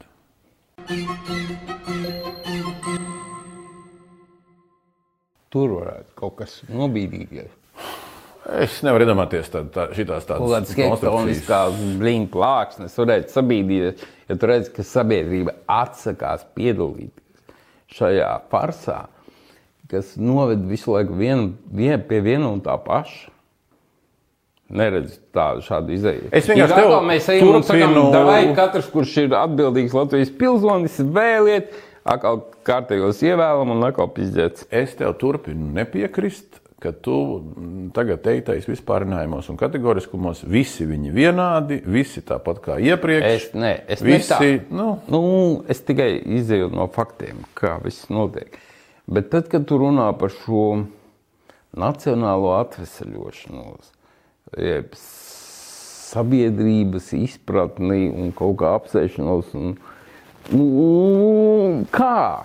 Tas taču ir, pilnīgi tas, tas pats vispārinājums fars. Tas taču nav, re, ne, nav reāli realizējams. Nu, vienmēr secība ir vispirms, ko darīt un pēc tam kā darīt. Nu, es vienkārši tev nu, Nu, tev- tev dalos ar pārdomām par Tev to. pašam ir ideja, kā to darīt. Nē, nē, nē, es esmu to parunājis ar kaut kādiem salīdzinoši nedaudziem cilvēkiem. Nu, tas nav tāds šitāds process. Ja? Pie tam tam jau nav, tam jau nav jābūt tādai programmai, ko iecērt tagad, um, uh, iecērt tagad uh, akmenī un trīs gadus nemaina. Ja? Nu, dažreiz tas process ir labāks par rezultātu. Uh, ne tikai anekdotēs. Uh, Bet tas nav naivi. Visi Nu, nu, sauc- apsēdīsi, nu, nožēlos grēkus, un tagad visi kaut kādas īpašas nacionālās idejas, kuras es neredzu, kamēr bija iestāšanās Eiropas Savienība, iestāšanās NATO bija. Tālāk viņi reāli īsti nav. Labi, kaut kāda labklājība, kur pofīgi visiem. Protams, ka nav pofīgi. Uh, tikai tad, kad uh, nu, tas vēders nav Dievs visaugstākais, tikai tad viņš var kaut kur tikt tālāk. Bet tā nekad nebūs. Ja mēs runājam par cilvēku psiholoģiju, viņam vienmēr būs rūpes par, savā, par savu izdzīvošanu. Un Pamat instinkts. Literatūru tu esi lasījis. Ir arī citādāk cilvēki, kā tu esi pamanījis. Jā. Runājot par tevi. Labi. Nē, nē, runājot par pasaules personāžu. Es būšu, varbūt vienreiz pirmoreiz dzīvē nobalsošu, ja es redzēšu, ka Doburs iet ar kaut kādu savu domu biedru. Pīpē, pīpē mazāku mēģina izvilkt līdz tam laikam. Aiziešu nobalsot. Jo, vai tiešām tā nebūtu Ja tu pārredzi visu laukumu, gan ekonomiski, politiski, kriminālu, lācis un kultūras, tā nebūtu tava vieta būt premjeram. Un tad es nocēdu, varbūt Dombūrs tiešām var kaut ko sakārtot šajā valstī, un mums būs kaut kāda izaugsme. Es tā gribu atņemt. Man, man arvoda, kurā man ir trī, gan iz trīs. Jā, labāk palikt krem vērotājiem. Tas nav vērotājs. Bet tu esi iekšā tik ļoti visās tajās lietās, ka tu būtu tas, kas varētu izmainīt, un arī ticību cilvēkos. Tas ir tāpat kā režisors un aktieris. Nu, nekurš katrs nevar būt tas un otrs. Jā. Šeit tieši tas pats ir. Jā. Bieži vien ir, ka var būt gan viens, gan otrs. E, varbūt, ka var, varbūt, ka nevar. Tas kā kureiz droši vien. Jā. E, nu, tur Vēbera mazā grāmatiņa par politikā profesiju un aicinājumu es nejūtu ka tas man varētu būt gan viens, gan otrs tā pilnvērtīgi, bet tieši tur šajā grāmatiņā ir viņš ļoti uh, akcentēti runā par uh, žurnālistikas uh, būtisko lomu tajā politikā, un es viņu līdz ar to nevērtēju pa zemu. Bet nav tā, ka tagad tu vari kādam parādīt zelta no kartīti, kādam sarkano, kāds personāžs, nu, to es izkodis, viņš dara kaut ko nelabu. Uh, Bet tas ir tāds ļoti maziņš darbiņš, tā spēle turpinās. Tu viņu principā nevar izmainīt. Ja, ja tu būtu tur, tu varētu šo spēli izmainīt. Tas bija šizofrēnijas, šizofrēnijas lauciņā, jo tad jābūt kaut kādai absolūtai uzvarai un tam līdzīgi. Tam līdzīgi. Tad domā, ka tev nebūtu absolūta? Nē, es domāju, ka nē. Es domāju, ka pat tavs gadījums būtu kā repšas gadījums, ka viņi nebija samest tev limonu. Nebija ne tu. Limonu man nevajag. Bet... Bet uh, tā saruna bija cita. Ir, es domāju, ka pie esošās sistēmas, un tur es piekrītu tiem nu, gan saskaņas cilvēkiem, kas to saka, gan vēl vienam otram, nu, ka ja mums ir parlamentā uh, nu, divas trešdaļas, kuras tur to varu, un mums ir uzbūvēts, nu, ja ne tradīcija, tad uzbūvēts modelis, kad uh, trešdaļa parlamenta neienāk iekšā un alternatīvu vairākumu tu nevari uzlikt, tad vienā mirklī tā stagnācija ir biedējoša. Ar ko es nekad nesaku, ka saskaņai jābūt valdībai. Es vienmēr uz, esmu domājis, kāpēc ne? Nē, nē, nē nu, ir runa jo par. Tā mums ir ļoti liela daļa krievu tautības iedzīvotāju. Kāpēc ne? Nē, nē, nu, krievu tautības iedzīvotāji, es pieņemu, ka nobalso kaut kad par Luskuto, kaut kad par Judinu un kaut kad par vēl daudziem citiem cilvēkiem. Arī ne tikai par, par šiem un par Krievu savienību, kas netiek parlamentā.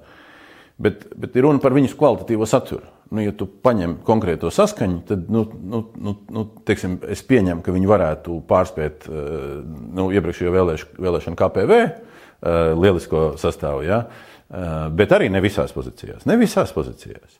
Bet nu, es teiktu, ka daudzās pozīcijās nu, viņa vienkārši objektīvi nu, nezinu, vai var piedāvāt kaut ko baigi labāku. Ja? Bet, bet tā pamata ideja kā tāda, ka tev var notikt uh, lielas pārmaiņas varā.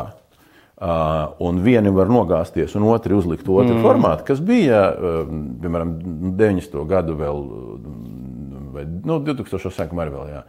Man liekas, ka tas ir bremzējošs faktors, bet tam jau var nekādas. Ja tu prasīsi, atkal, kā to izdarīt, nu, tas nav. Un pie tam nākamās vēlēšanas vispār būs tāda jautrība, ka maz neliekās ar visiem atbirumiem, kas ir, un Gobzem, un Šleser, un, un, un, un tur Vjačslavs Dombrovskis redzēs, ko iznāks ārā. Un, un ar ko beigsies šitā, Man šitās visas. Ticība Vjačslavam Dombrovskim, es joprojām nezinu, kāpēc. Nē, nu viņš ir. Nu, man, cīnismu, man liekas, ka viņš ir ļoti gudrs, erudīts cilvēks. Erudīts viņš ir. Nu, gudrība tas tāds abstrakts jēdziens, bet jautājums atkal par to kompāniju, kas viņam tur būs. Jā, nu, nu, pieskaramies jaunai tēmai, ko tu ļoti bieži atskaņo. Hmm, stāsta par mediju restartu un um, Savulaik, kad Uldis Grava kļuva par Latvijas TV ģenerāldirektoru, tu uz vienu brīdi tiki par programmu direktoru ļoti īsu brīdi, jo sākās diezgan liels dumpis darbinieku vidū, jo Domburs ir ambiciozs un neuzklausa citu viedokli, un viņam turklāt nav diplomu. Un šī tā epopēja uh, ilga kādus trīs mēnešus. un cik tevi noraka, sauksim to godīgi, lai kā Uldis tevi atbalstīja.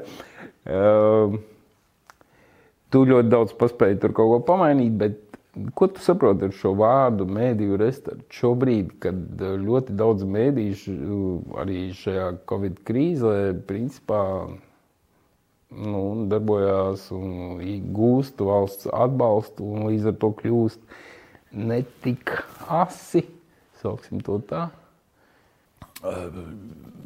Nu, liekas, ka tur ir vairāk segmenti, kas, kas dzīvo nu, ļoti dažādās, ļoti dažādos uh, vektoros. Restīvi, viens ir par tā saucamiem sabiedriskiem mēdījiem. Um, jēdziens sabiedriskais pasūtījums. Um, nu, atkal, nevarētu teikt, ka viņš galīgi neprogresē, lai tu neteiktu, ka viss tāpat kā iepriekš, viss slikti. Ja?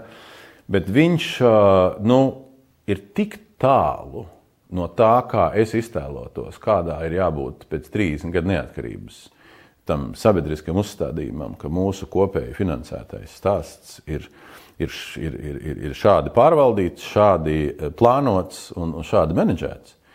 Uh, un tur nav viena vainīgā. Tur ir, tur ir visi pa druskai. Tur ir nu, es, nu, ar nelēķi Intu Brīkši, kas bija sociālo uh, zinātņu fakultātes uh, dekāna. Mēs uh, tur maza šaura grupiņa, viņi skaitījās, tur tāda grupas vadītāji. Mēs 2009. tas varēja būt gads, bet es varu kļūdīties. Mēs mēģinājām um, circienu vadīt cilvēktiesību komisiju Mums vispār interesanti ir. Ne? Ginekoloģi vadīja cilvēktiesību komisiju, tad aktierus vadīja. Um, un viņi atvēra to likumu un mainīja to sabiedrisko pasūtījumu aprakstu un vēl kaut ko, vēl kaut ko. Uh, un mēs tur tiešām pa vakariem, pa naktīm, pa weekendiem mēģinājām um, vākt pa Eiropas kaut kādiem paraugiem. Um, tur vēl Saimnes juridiskais birojs piedalījās. Nu, kādi modeļi labāk strādā, kā tas darbojās, kas ir atskaitīšanās parlamentā, kas neko nedrīkst parlaments aiztikt. Eh, kāda ir savstarpēja atskaitīšanās. Jo nav tā, ka tikai BBC trustīs ir, ir vienīgais labais paraugs. Un, un, protams, ka parlamentā pusi no tās atšķirēja un kaut ko izmet ārā, kaut ko pierakstīja, vēl kaut ko. Bet, restīvi, es redzu, ka tur ir viena liela lieta uh, pacelt to. Uh, nu, tagad jau tas ir banāli novazāts nacionālās drošības līmenī, ja? bet, bet, bet, bet nu, padarīt kaut ko pilnīgi citu. Un es redzu, mazas Eiropas valstis, viņām jau sen daļa internetu platformās ir infokanāls sabiedriskajiem, ir uh, kultūras kanāls, ir sporta kanāls, un pie esošām frekvencēm un, un izplatīšanas veidiem ir nu, sūds jautājums. Pagaidiet, mums Tur nav infokultūra. Nu, mums nekas, mums ir rasels visos kanālos. Nu, Mums nav viena atsevišķa kultūras kanāla. Kanāli, kanāls, jā, specifiski jā, ja Latvijas, rādio, Latvijas rādio ir vienīgais labais uh, piemērs, ir šī kanālu struktūrētība. Ja? Tur var strīdēties par kvalitātēm atsevišķos, bet vismaz kanāla struktūra ir definēta. Ja? Klasika tāda, Latvijas radio divi tāds, ja? Eiropas līmeņa mm. fenomens. Ja? Um, nu, pa pirmo kanālu tur var atsevišķās vietās strīdēt, bet, bet tas jau ir strīdēšanās jautājums. Ja? Um, Nu, man liekas, tā ir viena sāga, nu, tur varētu ļoti ilgi runāt. Otrs ir tas, ko tu pats piesauci. Visās nu, Eiropas mazās valstīs, kur tirgus nevelk, ja ir kaut kādi modeļi, kā tu atbalsti reģionu presi, kur visur dzīvo un Latvijā ar turpina dzīvot. Jā, vienalga, viņa portāls plus drukāts, vai tur ir tie visi tie uh, subscription tie, uh, kombinācijas. Bet, tu nedari to, pa ko tu saki pats, ja? kad mēs tagad, vai, vai tagad uz pavasara naudu padalīsim. Ja? Tagad uz, tur ir sistēma, kas vienkārši nepieļauj šādu īstermiņa, sezonālu, vai tik iemetīsim tagad, vai šitik. Ja? Tur ir, tur ir sistēma, kur neatkarīgi no tā, kurš atnāks pie varas, ja? Un plus vēl ir kaut kāda vēl pašregulācija, vēl kaut kas tāds. Mums tas ir jautājums par kultūru. Nu, mēs nelietojam vārdu kultūra šeit sarunā, jocīgā kārtā. Ja? Bet tas ir, protams, nu, tā ir tāda iekšējā, iekšējā tolerance. Nu, un es domāju, ka vēl viena lieta, protams, ir tas, kas ir, nu, ko mēdz dēvēt par to nu, ceha razborkām savstarpējām, iekšējām. Kurš ir neizbēgams? Kam, ka, kas ir problēma? Ja tu man prasi, kur ir problēma, tad ir ceha Rasborgs. Un es teiktu, ka tās Rasborgas, kas bija Dailas teātrī, ar tavu tiešu vai netiešu klātbūtni, ja? es domāju, ka tie bija tādi, tāds kaķa klepus pret to, kādas īstenībā kādam būtu jābūt Rasborgām, kurš žurnālistikas vidē kādas spēles spēlē, kam kas pieder kurā mēdīs ir, ir instruments vai, vai vēl kaut kas sliktāks, ja, un tam līdzīgi. Nu tā, nu kaut kādā trijos elpas vilcienos, ja man te jāra. jāra tā līdz galam, godīgi nesaprotu, kuru no punktiem. Iekš, kam ir šī mediju restarts? Ne, bet šīs visas trīs Kom, lietas. Viss. Visas trīs lietas. Visas trīs lietas. Tu reāli redzi, ka nē. tas varētu notikt. Atšķirībā no iepriekšējās tēmas, šobrīd nē, neredzu. Nav variantu. Ne, nu, varianti teorētiski kaut kādi vienmēr ir, bet nu, praksē es neredzu. Es neredzu. Praksē, tāpēc es arī esmu diezgan nodistancējies no vienas vai otras organizācijas. Es atceros, kādreiz jaunības kaut kādā naivumā es tur biju kaut kādās organizācijās. Ja? Un līdzīgi tas, ko tu piesauc 2002. gada Latvijas televīzijās, nu kā es vienkārši atnācu un visi tie pirktie raidījumi Latvijas televīzijā, divi tajā laikā, ja pēc tam viņi pārdod, visi tie apmaksātie pa labi, pa kreisi, sadarbība, nesadarbība. Nu, čaļi, beidzam! Paspēja drusku notīrīt. Drusku patīrīt, paspēja. Nu, jo tur bija vienkārši klāja jaukšanās. Kāpēc tev palūdzēja aiziet tomēr? Nē, nē, bet nu, tur tas tu jau ļoti korekti noraksturoji. Nu, kā, tie visi cilvēki e, dzīvoja uz projektiņiem. Uz projektiņiem. Nu, labi, tev, nu, un, un, un tajā mirklī tu... tavs projektiņš. Nu. Nē, nē, bet tur ir tā, ka tev uh, viens resurs finansē tur par mežiem, un otrs resurs finansē par, nezinu, armiju, un trešais resurs vēl par kaut ko. Es toreiz Rubenim teicu, Jāram, es saku, pamēģiniet izpildīt vingrojumu finanšu ministrijā, cik katrs resurs pa maliņu piepiķo klāt, lai viņi dabūtu sev kontrolēt saturu. Ja? Un kur titros ir sadarbība ar nu, bullshit. Nu. Labi. Tas nav labi. Tas galīgi nav labi. Un, okay, līdz ar to tu, es domāju, es skaidri apzinos, ka, ka tajā momentā, protams, ka virkni cilvēku eh, nu, negribēja dzīvot citādi. Apmierināti un, nu, jā. un rezultātā šo cīņu principā jā. zaudēja. Nu, zaudēju, zaudēju atkal to, uzvarēšanu, zaudēšanu. Nu, es domāju, ka es kaut, ko, kaut kādu ābeli tur papurināju, kaut kādu varbūt puvekļu nokrita. Ja? Um, līdzīgi tur bija jautājums par to, kāda ir sazobe starp ziņu dienestu, kā atsevišķu vienību un dažādām visu to redakcionālo un producējošo to struktūru. Uh, un um, stāsts par to diplomu, to jau vienmēr var. Tas, Protams, to vienmēr var vienmēr ierobīt. Ja? Jā. Uh, bet, Man arī nav bijis diploms. Jā, bet saruna, saruna jau ir par to, vai mums tas modelis ir, ir, ir dzīvot spējīgs. Un vai mums ir uh, tas, ko. Es domāju, tas pat teātriem būtu, tā saruna būtu ļoti līdzīga, ko es, ko es visiem, nu, nevis visiem, bet dažiem mēģinu teikt, ka BBC tie paši trastīs. Uh, jau, jau pirms daudzpadsmit gadiem viņi analizēja on air and on screen talent management. Restīvi, kāda ir mūsu sistēma specifiski uz kadra vai uz radio uh, raidījumu balsīm uh, sistēmu. Kā mēs viņus atlasām, cik mēs viņiem maskējam, cik mēs neļaujam viņiem aiziet. A Latvijā, nu, tu pats saproti, ja? Talantu menedžments ir kaut kāda tāda, nu, kur, kāds kosmos. Ja? Un tas ir, protams, vēl viena lieta, kas, kas ir lienoša. Uh, kontrrevolūcija. Nē, ir tāds slēptais sociālisms, kas, manuprāt, ļoti daudzās radošās jomās grauj lietas. Tu būtu spējīgs tagad reorganizēt televīziju sabiedrisko?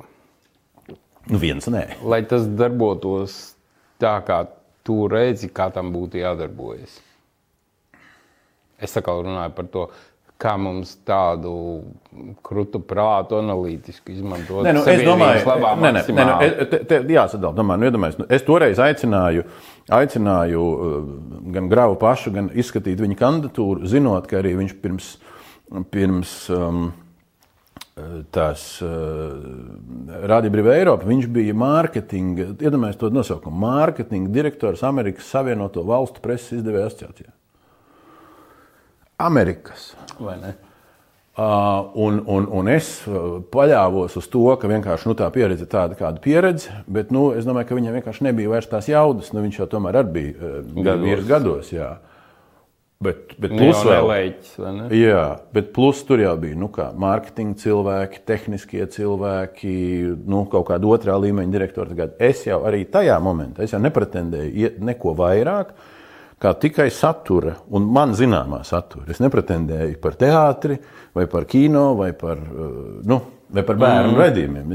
Tas mans. palika tādā Es, politikas redzējumā. nē, es definēju informatīvu, dokumentālu. Tas, tas amats bija, tur bija divi programmu direktori vai, vai, vai raidījumu direktori.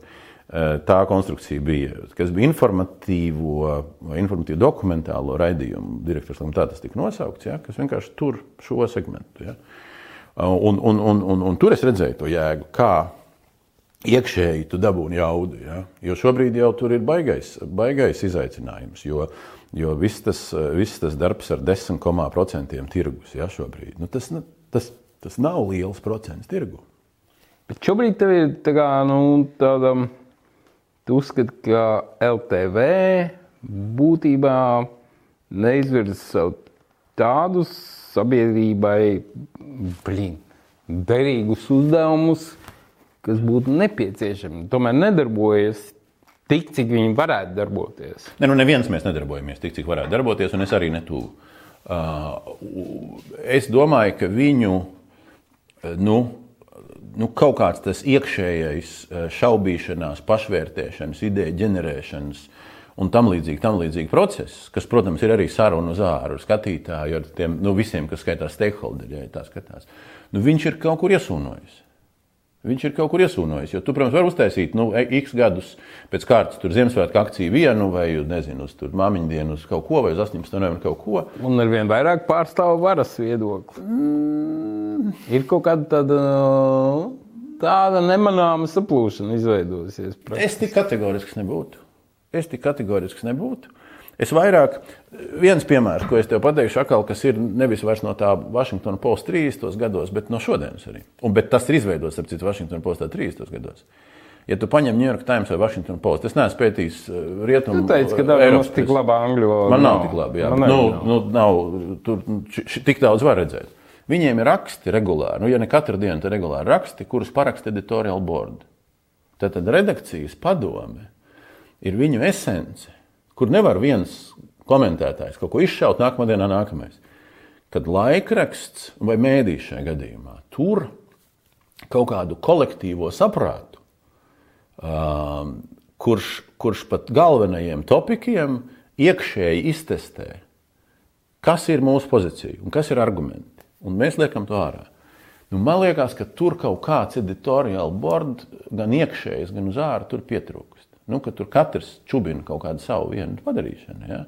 Bet tur kaut kāds iekšējais sparings un kaut kāda miedarbība un kaut kāda sinerģija tur, tur pietrūkst. Un tu nevar, tur nevar to dabūt, to jaudu.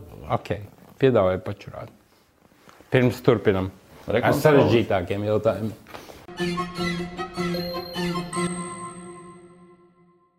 Mums šodien Martela Cordon Bleu.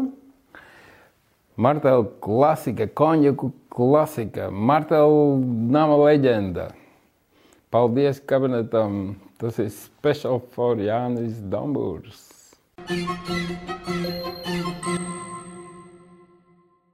Tagad ir labā ziņa. Kaut gan pēdējā bija slikta ziņa saistībā ar Delfiem, kad Jānis Dombūrs ar lielu sāpju paziņoja, ka viņš, viņam sakot, ka viņš nevar nodrošināt Delfi plus abonementus tik daudz, cik Delfi ir iecerējuši, un tā kā pārtrauc ar viņu attiecības. Tur nebija liela sāpe. Nu, Nu, tas- kā kurš nolasīja? Twitteris bija bijis sāpīgs, tas liecina par mediju tirgu, bla, bla, bla. Jā. Nu, kaut kur tur bija viņa iesāpēja. Bet uh, Delfī, Ingūna Bērziņa personā tagad nu, pat ir jaunā ziņa, labā ziņa. Pirms pašvaldību vēlēšanām, kad atgriezīsies debašu raidījums Jāņa Dornbūra personā, jo Delfi kopā ar Jānu Domburi vinējuši konkursā Sabiedrības integrācijas fondā, dabūjuši 39 štukas un būs ēterā. 39 štukas, principā valsts budžets. Ja? Tas šo par mēdīju atbalstu konkursu. Tātad. Jā, nu, bija tā, ka ziemā, tā kā man sākās tās sarunas ar Latvijas televīziju, tad tur nu, viņi izrē, iz, izteica kaut kādu to interesi. Bet tad, kad es tā ļoti konkrēti pajautāju, nu, vai mēs pavasarī, vai jūs esat gatavi pavasarī startēt, Tad atbilde bija, ka mēs neesam gatavi pavasarī startēt. Un tad nāca tas piedāvājums. Tur gan Bērziņš šobrīd nav tūmā, viņam ir kaut kāds garais bērnu kopšanas vai kā to sauc atvaļinājums. Bet nāca no Delfiem tas ierosinājums, nu, kad tur pieteikties uz to SIFU. Um, es tev nevaru pirms no galvas pateikt, cik liela daļa ir mans honorārs no tā 39. Tiešām neatceros. Uh, Tur bija runa, ka mēs vienojāmies par kaut kādu noteiktu raidījumu skaitu. Sirds gan tur šausmīgi ilgi vilka garumā. Ja viņi, ja viņi sākumā pasludināja, ka tas vispār attieksies uz periodu no maija, bet paši līdz maijam lēmums nepieņēma. Un mēs esam vienojušies par kaut kādu noteiktu raidījumu skaitu līdz, līdz uh, rudenim, agrām. Nu, tā. tas bija tas projekts, kas uh, tēmas nav semačkas. Kāda ziņa? Nu, tur tāds nosaukums, viņi ir tādu projektu startēji. Delfi, es domāju. Es nevaru iedomāties neko tam līdzīgu. Labi, tas tā acīm redzot, projekts tika nosaukts. Man vienkārši izbrīnīja šajā, es nepiesienos, šajā posmā konkursā bija 110 štukas piešķirtas nu, projektiem, Jā. konkursam. Un tur bija trīs apakšnodaļas. Pirmā bija mediju kritika, nu, kur jā, jā. tieši tu ietilpsti. Nē, es neietilpstu, man liekas. Nu, ietilpst. Tas... Nu, labi, man te jāņem priekšā tie, nu, tie faili. Būtībā tas, tas, kur es domāju, ka jums arī piešķīra. Otrs bija pieejamība cilvēkiem ar invaliditāti, un trešais bija par diasporām atkal pieejamība. Ja? Trīs, kā, mm, trīs kā lietas, kur varēja ar vienu projektu piedalīties. Un, un tur bija tā kā 50 štukas bija tieši mediju kritikai, un maksimums, ko dabūt 25 štukas.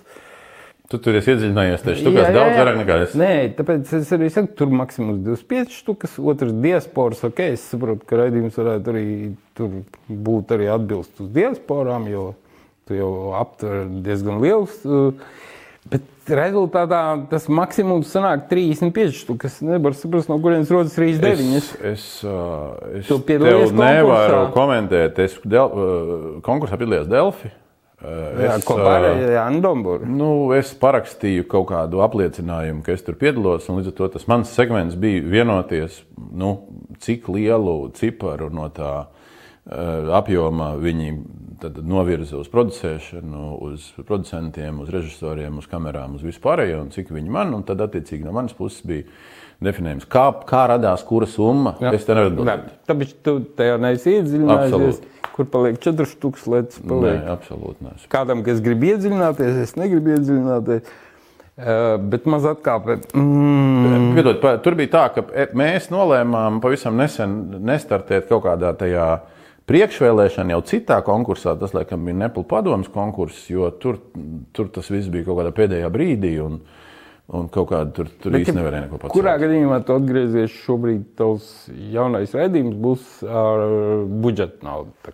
Jā, bet viņš ir bijis arī budžeta nauda, bijusi arī pāris reizes iepriekš kaut kādos posmos. Tas gan bija uz vēlēšanām, šim nav tāda tieši sakra vēlēšanām. Labi, startais nu pat tūlīt. Nu, mēs esam jūnijā jau ir vēlēšanas. Jā, jā, bet es saku, viņam nav. Nu, beidz, pa Covid ierobežojumiem te ir tik daudz ko runāt. Jā.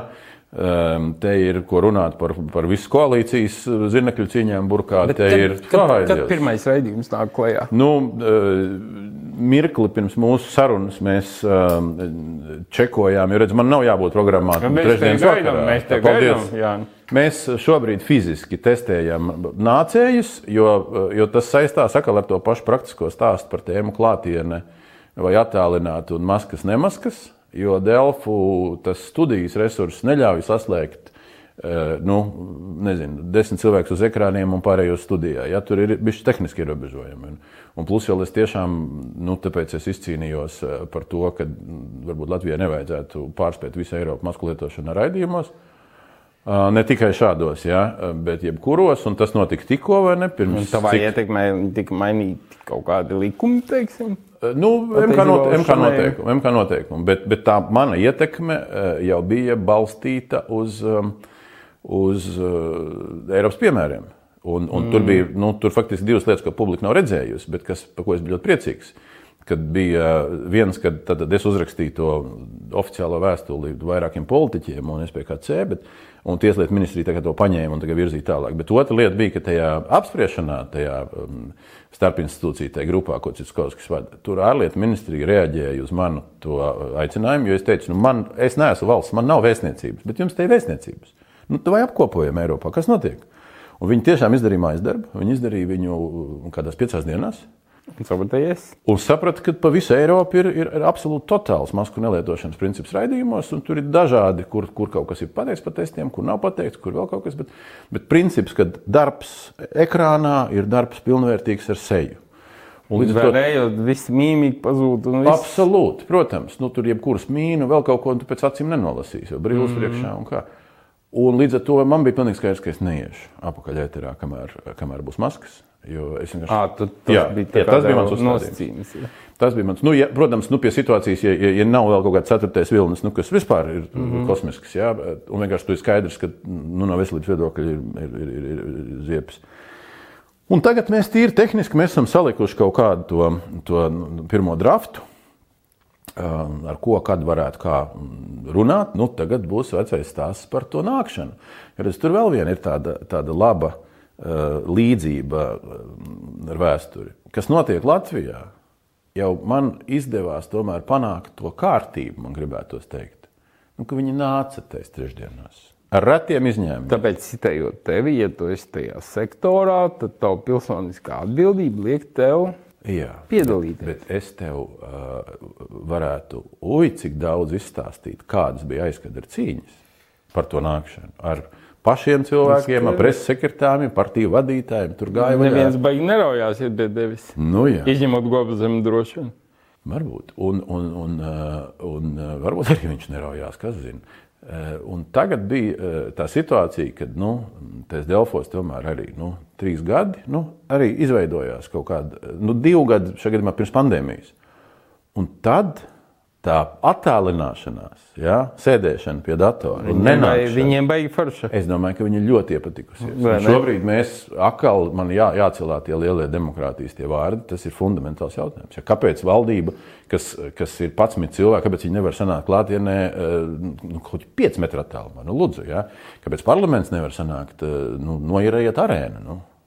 Nu, labi, hokejs tur tagad. Bet, nu, eh, līdz ar to eh, tas man bija, tas man bija princips, bet tagad es tiešām, eh, tiešām domāju par, par, par vairākām lietām, ar domu, ka daļa no tām diskusijām jārunā par to, kas saistās ar covid, vienalga ierobežojumi, naudas dalīšana, eh, vēl kaut kādas lietas, un daļa ir jārunā par pilnīgi citām lietām, jo Pašvaldības vēlēšanas. Tā ir skaidra par pašvaldību vēlēšanām. Jā. Mēs esam sarunā par, par tēmu, ka mēs varētu taisīt tādu maratoniņu svētdienas rītā, kad viss ir bijis skaidrā galva un tie rezultāti ir saskaitīti pilnvērtīgi. Pie brokstīm skatīt. Jā, ko, vai mēs kaut ko izdarīsim pirms tam, tas ir atvērts jautājums, jo te visi tagad ir izdomājuši ražot šausmīgi daudz tās debatas.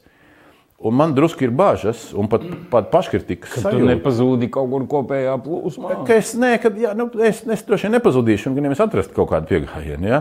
Bet, um, bet, um, bet tā situācija, ka 41 ne tik vairs ļoti dažāds uh, novads, es tikai pašvaldības pilsētas novadi, uh, tas daudz savādāk prasa vērtēt, par kuriem ko mēs diskutējam. Ja? Un, un, un man liekas arī, ka rīdzinieki, vienalga vai Latvijas televīzijas cilvēki, vai tagad tur RTV ar TVNetu, kas vada, man liekas, ka viņi līdz galam ne, nevar iebraukt.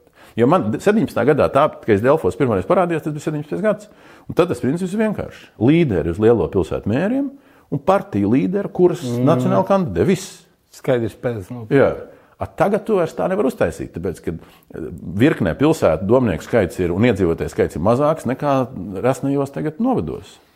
Klausies, Solēk, pirms dažiem gadiem, kas man liekas dīvaini priekš neatkarīgā žurnālista, kad tu mm, vadīji debates uz vienotības priekšsēdētāja amatu starp uh, Smiltēnu un Piebalgu rajonos dažādos. Tā nav tāda draudzēšanās ar vienu partiju. Nē, es to, es to tā Tu neuzskatu. to tā neuztver. Tas ir tāpatās, kā- Prātīgi izdarīji savu darbu, bet tu tomēr satuvinies, gribi, negribi. Es domāju, ka iespējams partiju. ar vienu otru es attālinājos, ja, ja tā paskatās. Tur bija ļoti interesanti. Tas ir tāpatās, kā vienmēr kāds var teikt, ka, ka es pēc šī man būs interešu konflikts ar, ar, ar, ar, ar šo ražotāju vai viņa tirgotāju. Ja? Nu, jautājums, vai, vai tik lēti kaut ko var izdarīt. Nē, es to tā neuztveru. Ā, Es tagad, nu, es esmu. Nav jau starpības, nu, kas ir tie ārējie pasūtītāji. Man ir Fisils, ārvalstu investoru padome. Es tagad trīs gadus pēc kārtas vadījis viņiem reizes gadā tās viņu lielās diskusijas, ka viņi to investīciju vidas indeksu vada. Es novadīju par ostu reformu uh, disputu pirms ATA centra pārtaisīju pa vakcinācijas centru. Vienīgais pasākums, ko es novadīju Maskās. Bet liels pasākums ar, ar 15 cilvēkiem klātienē uh, martā. Ne, es neredzu tam Tu tur atkal saglabā Ma, savu es, es, es uzrakstu līgumā vienu vienkāršu teikumu. Es darbojos atbilstoši saviem profesionāliem un ētiskiem standartiem. Un, mm, paldies par uzmanību. Labi, runājot par līgumiem. Pirms trim ga- gadiem noplūda tavs konfidenciāls līgums ar Vendbunkeru ja, par uh, mediju konsultāciju Latvijas avīzei. Tas 15. gada līgums, 29. jūnijas līdz 29. septembrim, pēc dažiem avotiem vēl turpinājās nākamā gadā. Mēnesī trīs štukas. Un, nodokļiem. un tu ļoti diezgan asi noreaģēji uz šo līguma noplūšanu, kas ir konfidenciāls. Teici, ka tu nekomentēsi, jo laikā, kad, tev bija, kad tu biji Latvijas televīzijā un darbojies principā ar valsts naudu, tad tu atbildētu. Nu, tagad kā, tavs nākamais raidījums ir ar Sabiedrības integrācijas fonda naudu, tāpēc valsts budžeta naudu. Tā kā, nu, beidzot varētu atbildēt, kas tas bija par līgumu. Nē, nē, nu, mēs zinām, Venbunkers, tu pats teici, kā viņš ir privatizēts. Tā laikā, pie- 15. gadā, notika tieši viss Meronija fiškas ar jā, jā, šis ir klasiskais gājiens, kad uh, vai, vai nu, tā anekdote, vai tev mēteli zaga vai tu zagi, bet kaut kas tur tīrs nebija. Jā, Nu, labi. saproti, tā, tas bija klasisks uh, sliktāko paraugu gadījums no pietiekama portāla, uh, nu, kur uh, ir pilnīgi jau skaidrs, ko viņi ir izdomājuši, uh, kādu virsrakstu viņi uzliks, un viņiem neinteresē. Un, un, un ir zvans. Bet es nerunāju par Nē, nē, virsrakstiem. tas, ir, tas, ir, tas ir runa par to, līgums. kāpēc es konkrēti pie konkrēta zvana, kurš, uh, kurš pat nesagaida, kad es aizsūtu uh, kaut kādu atbildi mailā, jau iebliež. Ja? Tur jāpastāsta, nu, tur uzskaitīts tur laika vienības. Uh, nu, es domāju, ka es neesmu ne pirmais, ne pēdējais, kas uh, šī portāla stilu, pret šī portāla stilu neattieksies korekti. Kas attiecās par to līgumu, es esmu uh, absolūti uh, ar padarītu darbu sajūtu. Jo tā situācija bija tāda, ka viņi toreiz iekšēji Tur bija visas tās jēgas, kas tad ir īpašnieks, kur tur Bērķa ģimene, kur tur Meronī, kur tur vēl kaut kas. Eh, Mainās padomes, krustiņu eh, ir tikko krustiņam ir uzteikts eh, kaut kas. Man tā kā lūdzu vairs nē. Un, un es mirklī, kad man bija nu, brīvs laiks un nekāda piedāvājuma nebija, un, un, un, nekāda tāda tuvāka un tālāka alternatīva arī nebija. Es tātad nepiekrītu nekādiem aicinājumiem. Tur iet darbā, ja, vai tur štatā, vai nu saucam, kā gribam. Bet es teicu, ka es redzu, ka es varu iedot pienesumu, ka es piedalos tādā nu, iekšējā inventarizācijā, kur pie galda ir uh, īpašnieku līmenis, menedžmenta līmenis, redaktora līmenis, nu, vai tur vēl kaut kāds žurnālists līmenis, kā kurā gadījumā, ja, kur vispirms notiek kaut kāda saruna par, par to, kas notiek. Īpašnieku līmenis, kas tajā brīdī pie galda sēž. Ne, nu, ir mirklī pie galda. Uh, Bērķis? Arī Bērķis sēž, uh, vai viņi kaut kā deleģēti tur viens vai otrs cilvēks, vai Bunkers ir kompānija. Ja? Bunkers ir kompānija. Nu, tur valdē viens kaut kādā pie galda, bet katrā ziņā es uh, ar lielu interesi uh, centos. Uh, nu, dalīties ar jebko, ko es domāju par tēmu. Kā, eh, nu, teiksim, tas viens no tiem vadmotīviem, kas man bija, bija pārizmantošanas jēdziens. Jo mēdī, manuprāt, vispār var funkcionēt tikai tad, ja viņi šobrīd, nu, ja tev ir drukāts un elektronisks, lai, ja tu visu laiku izmanto dažādās platformās. Ja? Un, un tur tomēr bija diezgan tas uh, sadalīts. Tā kā es uh, ieliku tur visu, visu pieredzi, ko es varēju ielikt. Tur nebija neviena saruna par kaut kādām tādām. Nu, Tādām biznesa interesēm. Ja? Labi, mēs to nezinām. Nē, nē, nu, vienkārši tur bija tik daudz cilvēku pie tā galda. Ja? nu, tur bija tik daudz cilvēku, ja, ka viņi visu to redzēja. Tev ir līgums, tikpat labi vēl ir kaut kādas sarunas aiz šī galda. Jā, jā, bet tas galds jā, bija centrālais. Jā. Un pie tā galda bija ļoti daudz cilvēku. Mēs, mēs tur radījām formātu, kas saucās uh, redaktora padomu, uh, kur es arī mēģināju tādu moderātoru funkciju uh, pienest. Es tiešām uzskatu, ka, kad, eh, kad tur tika darīts daudz kas, lai tas viens no lielākajiem mēdīju uzņēmumiem Latvijā mēģinātu pameklēt iespēju, kā attīstīties. Bet es pilnīgi saprotu, ka bija cilvēki, kam eh, mērķis bija tikai man piešūt kaut kādu slēpi. Labi, tāpēc, ka mēs vienmēr esam uzskatījuši, ka tu esi godīgs žurnālists, un tu esi mūsu sirdsapziņa, kas cīnās par lietām Latvijā. Tāpēc šis līgums dabiski izraisīja kaut kādus jautājumus, jo Tieši tāpat laikā tika Venburga akcijas nopirktas par pašu naudu, ja Veronija rosās.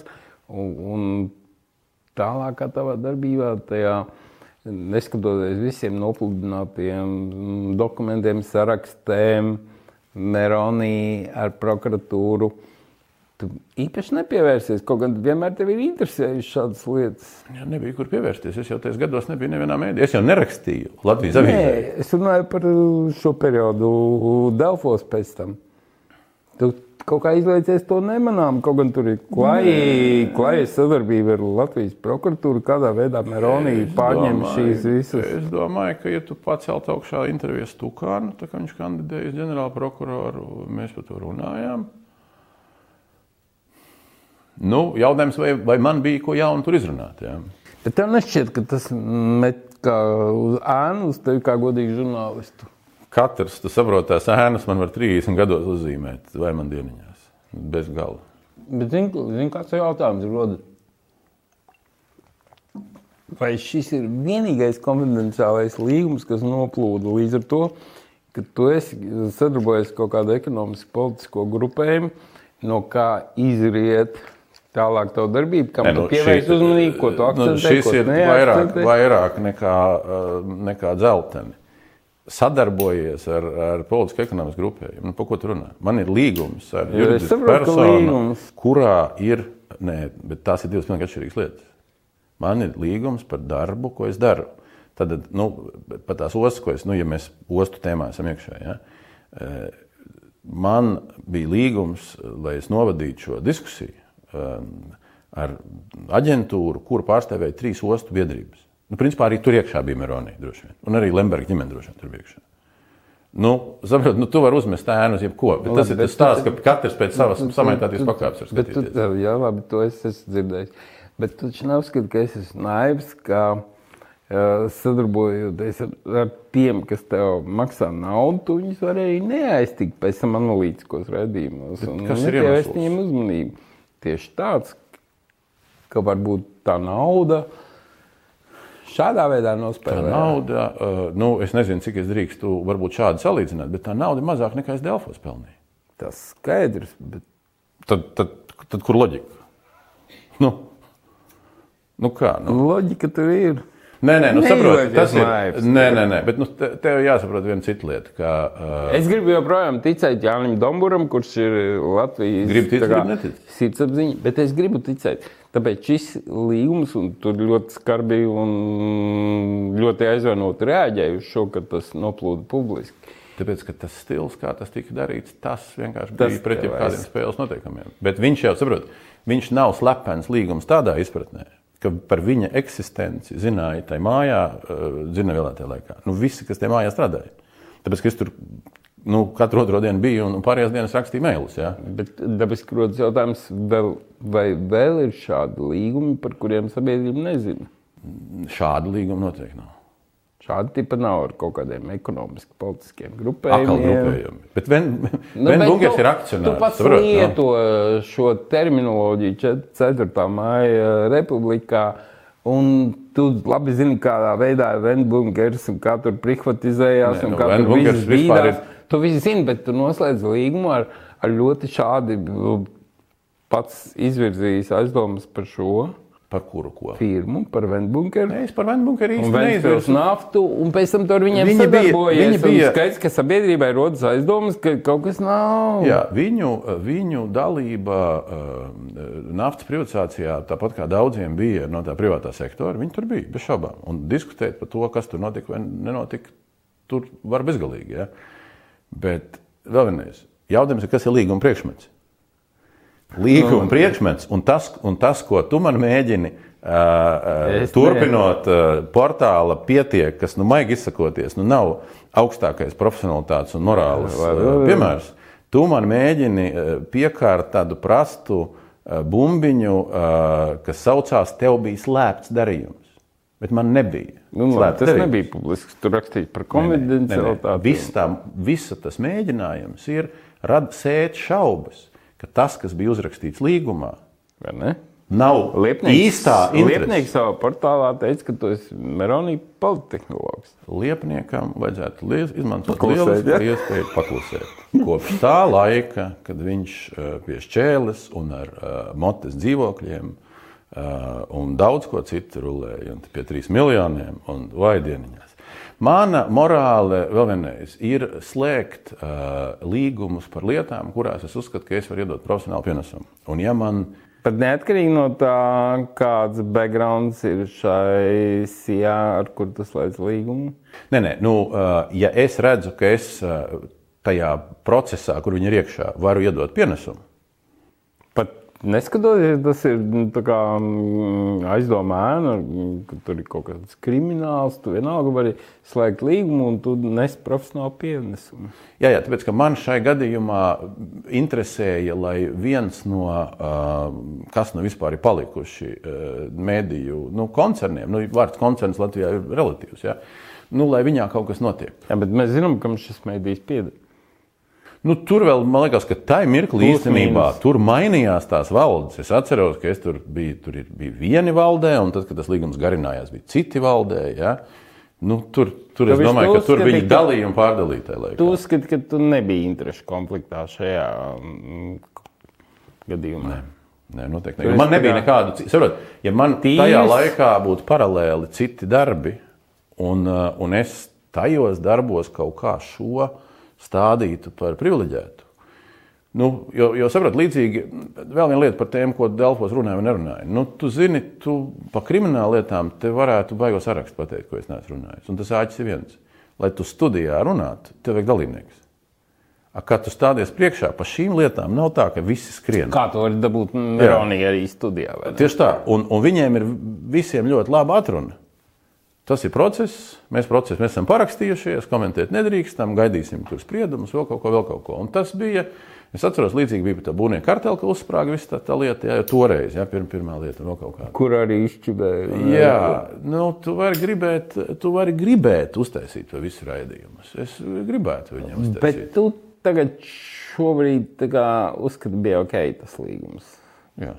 Tu nenožēlo, ka tu izveici. Viss kārtībā. Un mēs zinām, ka vairāk nekādi šādi konfidenciāli līgumi neparādīsies citiem kaut kādiem ekonomiski politiskiem grupējumiem. Trešo reizi. Man nav līguma ar grupējumiem. Nu, labi, nu, tu taču mēs saprotam, ka Mēs ne, es tiešām nesaprotu. Es tiešām nesaprotu. Es tiešām tu negribi saprast. Nē, nē, nu, Nu, saprot, tu labi, vari mēs neesam tik interpretēt. Tu vari to interpretēt.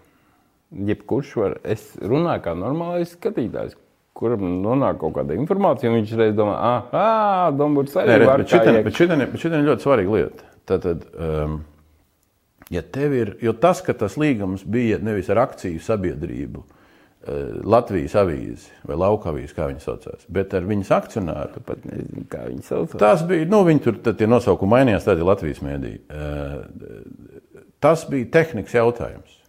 Nu, tas bija viņu izvēles jautājums. Ja? Jo nu, tīri teorētiski akcionāram ir jāvērtē eh, sadarbībā ar menedžmentu, ko darīt.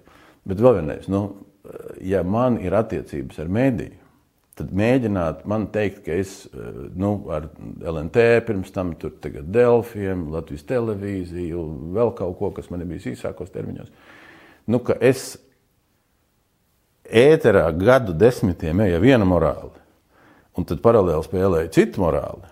Nu, nu, domājiet, nu, ko es varu darīt. Tātad Jānis Dombram ir tīrs sirdsapziņa.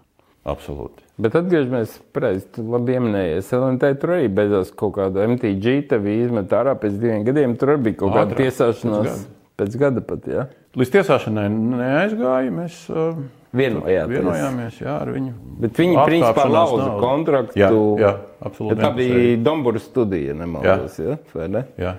Lauza. Ok. Iedzeram konjaciņu? Iedzersim, iedzersim. Jā.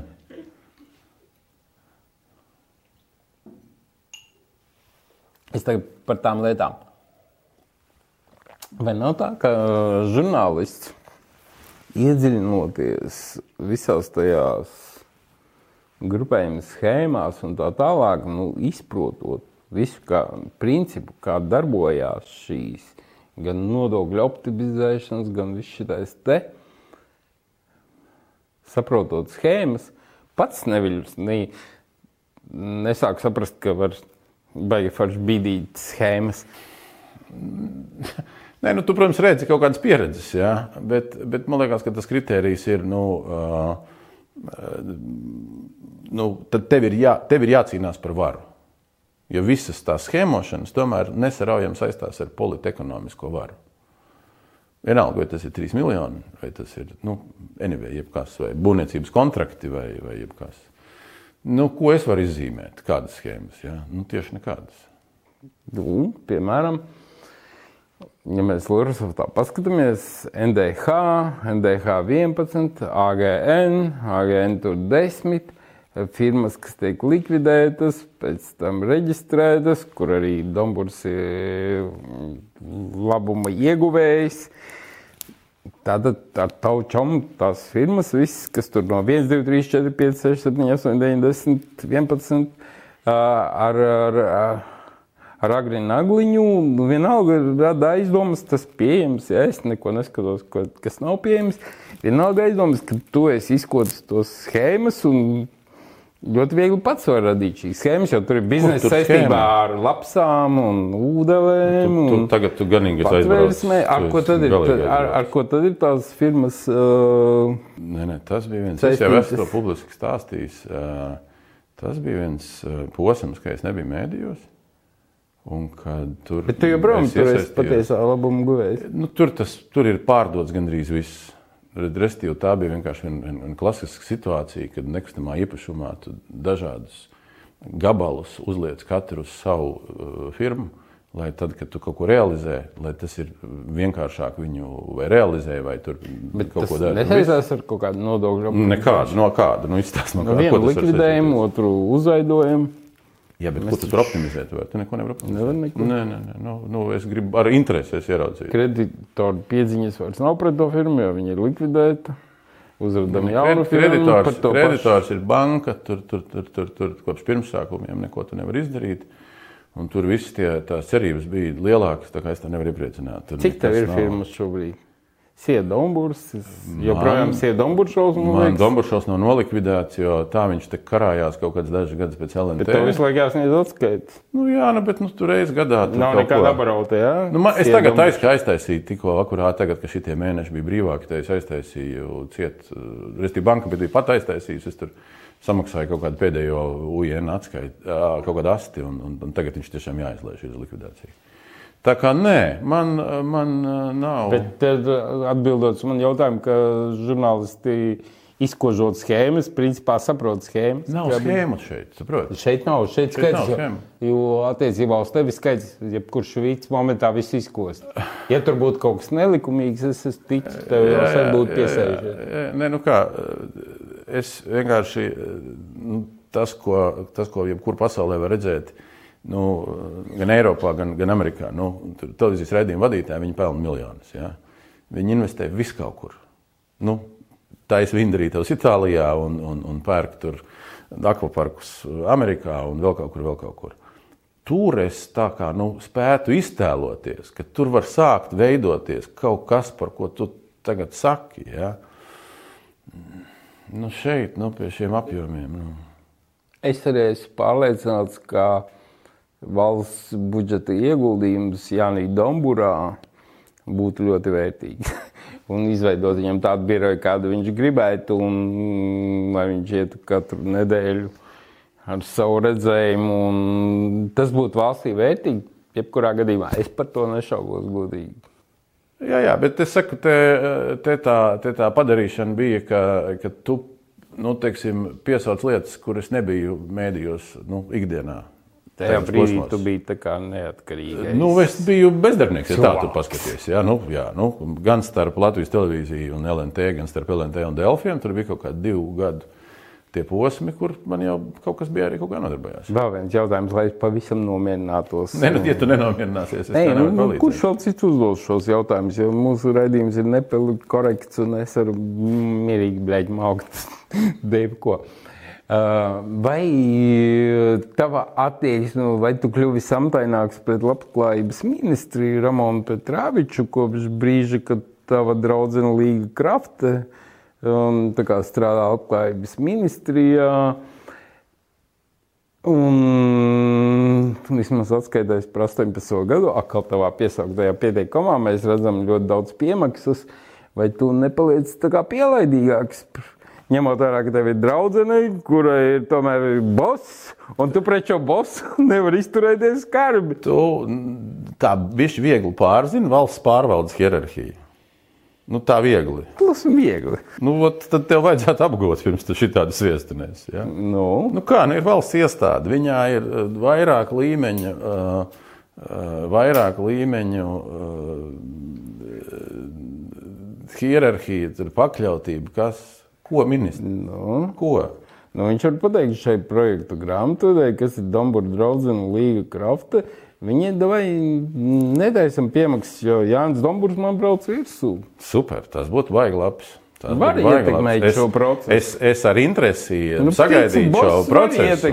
Šo. Bet, uh, un es, protams, klāt nestāvu, bet man gribās cerēt, ka dažādās, es nesaku, ka visās ministrijās, bet dažādās ministrijās Latvijā ir, ir, ir, ir pietiekami daudz godprātīgi valsts sekretāri, vai viņu vietnieki, vai departamentu direktori, vai galvenie grāmatveži un tā tālāk, kuri visi tur uh, līdzatbildības, nu, kur tur vīzē kaut kādas lēmumus vai vēl kaut ko, ja, kuri uh, nevar uh, un nedrīkst arī pēc valsts pārvaldes ļaut ministram kāju durvis taisīt vaļā. Tas vienkārši ir nonsens. Nu. Bet tu zini, kā reāli notiek. Dažādās vietās ļoti dažādi. Nu, um, atgriežoties pie tā pamatjautājuma, ne, mans uzskats uh, nav mainījies par Ramonu Petrāviču uh, nekur. Man liekas, ka tas, ko mēs toreiz atklājām, Tad uh, tas bija pirms tam, kad sabiedrība uzzināja, ka Līga Krapte ir tava draudzene. Uh, nu, kad viņi uzzināja un kad viņi bija draudzene, tas lai paliek uh, man. Ja? Nu, pagājušā gada Jāņos tas tika nofiksēts. Jā. Tagad. Bet uh, tu vai vari ticēt vai neticēt, bet nu, šī tāda sazvērestības teorija, nu, es pat nebiju aizdomājies, nu, ka viņi var mēģināt uz nu, dievu gadu vārds. Ja? Es Nē, tikai kā uh, cilvēks vērotājs no malas, salieku 2 plus 2 un hop. Jā, jā, jā. Es, uh, tur nav ko pielaist. Man ir jāsaka, es uh, Ramonu Petrāviču, ja es pareizi atceros, visus šos gadus nekad neesmu aicinājis uz redzējumu. Nē, tev viņi bija raidījumā, bet nu, kopš tā, tam, kopš tā kandidēšanas brīža. Uh, vai tā tas, ir pielaidība? Un tas ir tas jautājums, kāpēc tu viņu nesaistināsi pie tā, ka tur ir diezgan daudz problēmu. Atbildi tieši pretēji. Tāpēc, ka es neredzu tam pienācīgu pamatojumu, jo skatoties uz tiem lēmumiem, kas tur tiek pieņemti, nu, uh, par viņas jomu lēma satversmes tiesa, par viņas jomu lēma visādi citi cilvēki. Es uh, neredzēju visos šajos gados nevienu tādu gadījumu, kur es redzētu, ka man būtu jāizpilda tas sparings ar konkrēto ministru. Viņa gan nav laikam vienīgā no ministra sastāva, bet, eh, bet eh, pielaidīgums pret ko? Nu, ne pret ko. Viesturs Rudzīts teica, ka Jāņa Dombura vienīgā problēma ir vientulība. Es... Viņš gan maz par to zina. Nē, es maz zinu, protams. Nē, Rudzīts par to maz. Nu, arī viņš droši vien maz zina, un visas tās viņa teorijas ir fufēlis. Bet arī šodien, nākot uz raidījumu, es satiku Ausmu Kantānu. Saku, viņi kaut ko par iepriekšējiem raidījumiem kaut ko man saka, un es viņai saku, es eju Jānu Domburu uz sarunu. Ko tu viņam pajautātu? Un viņas jautājums bija, kāpēc viņš ir viens? Tas, kas publikai interesē. Bet pagaidi, nu, tu tikko apspriedi man te kaut kādas privātās attiecības. Turklāt tu nenoliedzi, ka tu joprojām esi kopā ar Līgu Kraftu. Ko tu man pat tā nepaprasīji? Nu, tā kā nenoliedzi. Es teicu, ka tev ir joprojām draudzene, tu neaicini to. Un es domāju, ka tu uzreiz ātri izsecini to, ka joprojām ir Līga Krafta, superīga sieviete. Atbilde Ausmai Kantānei uh, ir, ka to tā īsi un vienkārši droši vien man nebūs iespējams atbildēt. Tagad, kā tu kaimiņiem teici, ka viņš ir hohma, ja? vienu hohmu. Viens tiesas process, kurš tev gandrīz vai bija, kad tu draudzējies ar Līgu Pļaviņu par Sijāmas kaķi Špicku, jo uh, bijušais Līgas Pļaviņas draugs uzņēmējs Neme teica, ka, nu, bļaļ, kaķi viņam nopizdīja. Sorry par izteicienu. Un Damurs teica, nebūs. Ne, ne, es tiešām neatceries ļoti migla. Nē, es atceros to jēzgu. Bet vai es tur kaut ko teicu tā vai godu tas vārds, kaķis? es neatceros. Es Tev to kaķi, man liekas, ka es to neesmu kaķi? redzējis to kaķi. Nē, es, viņš dzīvoja pie jums. Tā man līga izteica. man Nu, līga, nē, nu jā, vai līga, jau es vairs arī neatceros. Man liekas, ka tu kaut kā te gribi bišķi, tas, zin kā, nu tas ir, kur ir uz dokumentāliem pamatiem, kaut kāds tas lūgas librets uztaisīts, tu kaut ko tur gribi pie, piepīt klāt. Labi, pēc pāris nedēļām tev paliek 49. Enerģijas būtībā ir vien mazāk. Dzīvots redzēs. Tu esi gatavs, jaudīgs, turpināt kopt šo lauciņu, joprojām esi ideālists, kā Latvijas valstī var kaut ko mainīt. Es domāju, ka es neesmu sliktā ā, formā, profesionālajā, salīdzinoši. Es pat pieļauju, ka ir bijuši sliktā gadījumi. Līdz ar to, ja, ja tas viss saliekās, ā, es domāju, ka tur var pat ļoti daudz tādu lauciņā pakopt. Jā. Tu vari kaut ko vēl mainīt. Tā mainīšana, zin kā, nu, nu, nu runi, es saku, runa ir par to procesu, ka tu turi, nu, kad, kad, kad Dombūrs, teiksim, rada kaut kādu, nu, vienu no daudziem kaut kādiem rengeniem, ja, labākiem, sliktākiem, viens rengens nevar visu izmērīt, ja, bet kad mēs zinām, ka viņš ir tāds viens no rengeniem, kas te ir, nu, klātesošs, ja, nu, ja es varu to pienest, man liekas, ka tas nav tas sliktākais. Labi. Pēdējais jautājums. Jau, ja. Kas nenotiek Latvijā? Tev viss prasa, kas notiek Latvijā. Es tev prasu, kas nenotiek Latvijā. Kas tavuprāt, kam būtu jānotiek? Savulaik, tad, kad bija kas notiek Latvijā, tad um, uh, bija raidījums arī Latvijas laikam, viss notiek. Un tad bija kā cilvēki, bija sakuši tās vārdu spēles, kas notiek, viss notiek. Un toreiz bija dzīves vēl Mārs Melgals, dzinieks, un, uh, un viņš teica, ka tas ir nepareizi. Ka at, pareizi atbildes, kas notiek Latvijā, ir, ka viss kaut kas notiek. Nu, Viņš tam ar vārdu. Bet kas nenotiek? Un es uh, līdz ar to tev teikšu, ka viss kaut kas nenotiek. Piemēram, Nu, mēs te trīs stundas uh, runājām par to, kam kas vajadzētu nenotiek. notikt. Um, un, un, un, un, un droši vien, ka.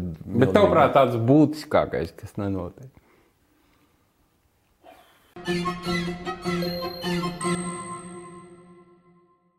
Nu, akal, vai nenotiek, vai par maz notiek? Um, man patīk tas teiciens, uh, un, protams, ka nevienu nevar piepildīt, bet uh, nu, uh, sing globally, act locally. Nu, tad, domā globāli un darbojies lokāli. Man liekas, ka mums, nu, ne tikai valstī, bet arī kā individiem, ņemot vērā tos mērogus, ņemot vērā tās motivācijas, ja? nu, ņemot vērā, ka mēs kaut kādas līgumus apspriežam vai kaķus, ja? nevis kaut kādas lielas lietas. Ja? Arī lielās Ā, Lielās arī apspriedām, jā, bet, um, bet, uh, bet visu laiku pa vidu ir uh, nu, daudz lietas, kas nu, kaut kādas lietas um, kavē. Man liekas, ka uh, tas kaut kāda kopējā summārā ambīcijas masa, vai, nu, laikam, ambīcijas nevar masā, bet nu, kaut kāds tas ambīciju apjoms, lai mēs izrautos no tās uh, atpalicības vai no tā kaut kāda tāda pakaļgala Eiropas un kaut kur tur pie, pie austrumu robežas mūžīgie. Ja, ka tas nenotiek. Nenotiek kaut kāda ambīciju, uh, un tās ambīcijas līdz ar to izpausties var ļoti dažādi. Bet tu kā ideālists ceri, ka tas notiks. Nē, nu kāds ir ideālists? Nu, es jau esmu ideālists. Viss, ko es esmu lasījis, dzirdējis, to es ideāli. Nē, nu, tu saproti, manuprāt, nedrīkst eh, šo darbu banējo. Man liekas, ka arī tavējo. Nu, tā īsti nedrīkst darīt ja tev nav nu, kaut kur tā, nu, nu tas teiciens neatceros kam, ja, kad ja tu kāpsi kalnā un skatīsies tikai uz to kalnu virsotni, ņihera tu tur neuzkāpsi. Ja tu skatīsies uz to zvaigzni, ja, tad tur ir kaut cik kaut kur tiks. Bet, ja. kad skatīsies uz gaismu, zvaigzni, tu būsi dolais dauga principā. Kārlis Kalbi man īstenībā patīk eh, reiz pa reizei eh, citēt. Un tā miera un pieticības mala to karoti, ja? tas ir tas stāsts. Ja? Man liekas, nu, jo nav, saprot, nav tas stāsts par to, kurš ko, kāpēc dara. Jautājums, cik viņam augstās debesis. Un, un man liekas, ka tur nu, tā saruna jau nu, par ko ne par ambīcijām. Jā. Nu, bet, bet katram savs, protams. Nu. Es domāju, ka tāda, nu, Juris Žagars tajā pēdējā decembrī raidījumā, viņš runāja, ka būtu jāpieiet pie kolektīvā saprāta. Es ir vienā mirklī to pieminēju. Nu, mas, tas ir kaut kas nu, sumārs, nu, ka mēs te ņemamies. Tas atkal tajā nišā naivi. Labi, paldies, Jāni. Tev, paldies kabinetam. Prieks, ka tu atnāci. Un ceram tevi redzēt. Redzēsim. Atkal Redzēsim. ēterā. Paldies tev.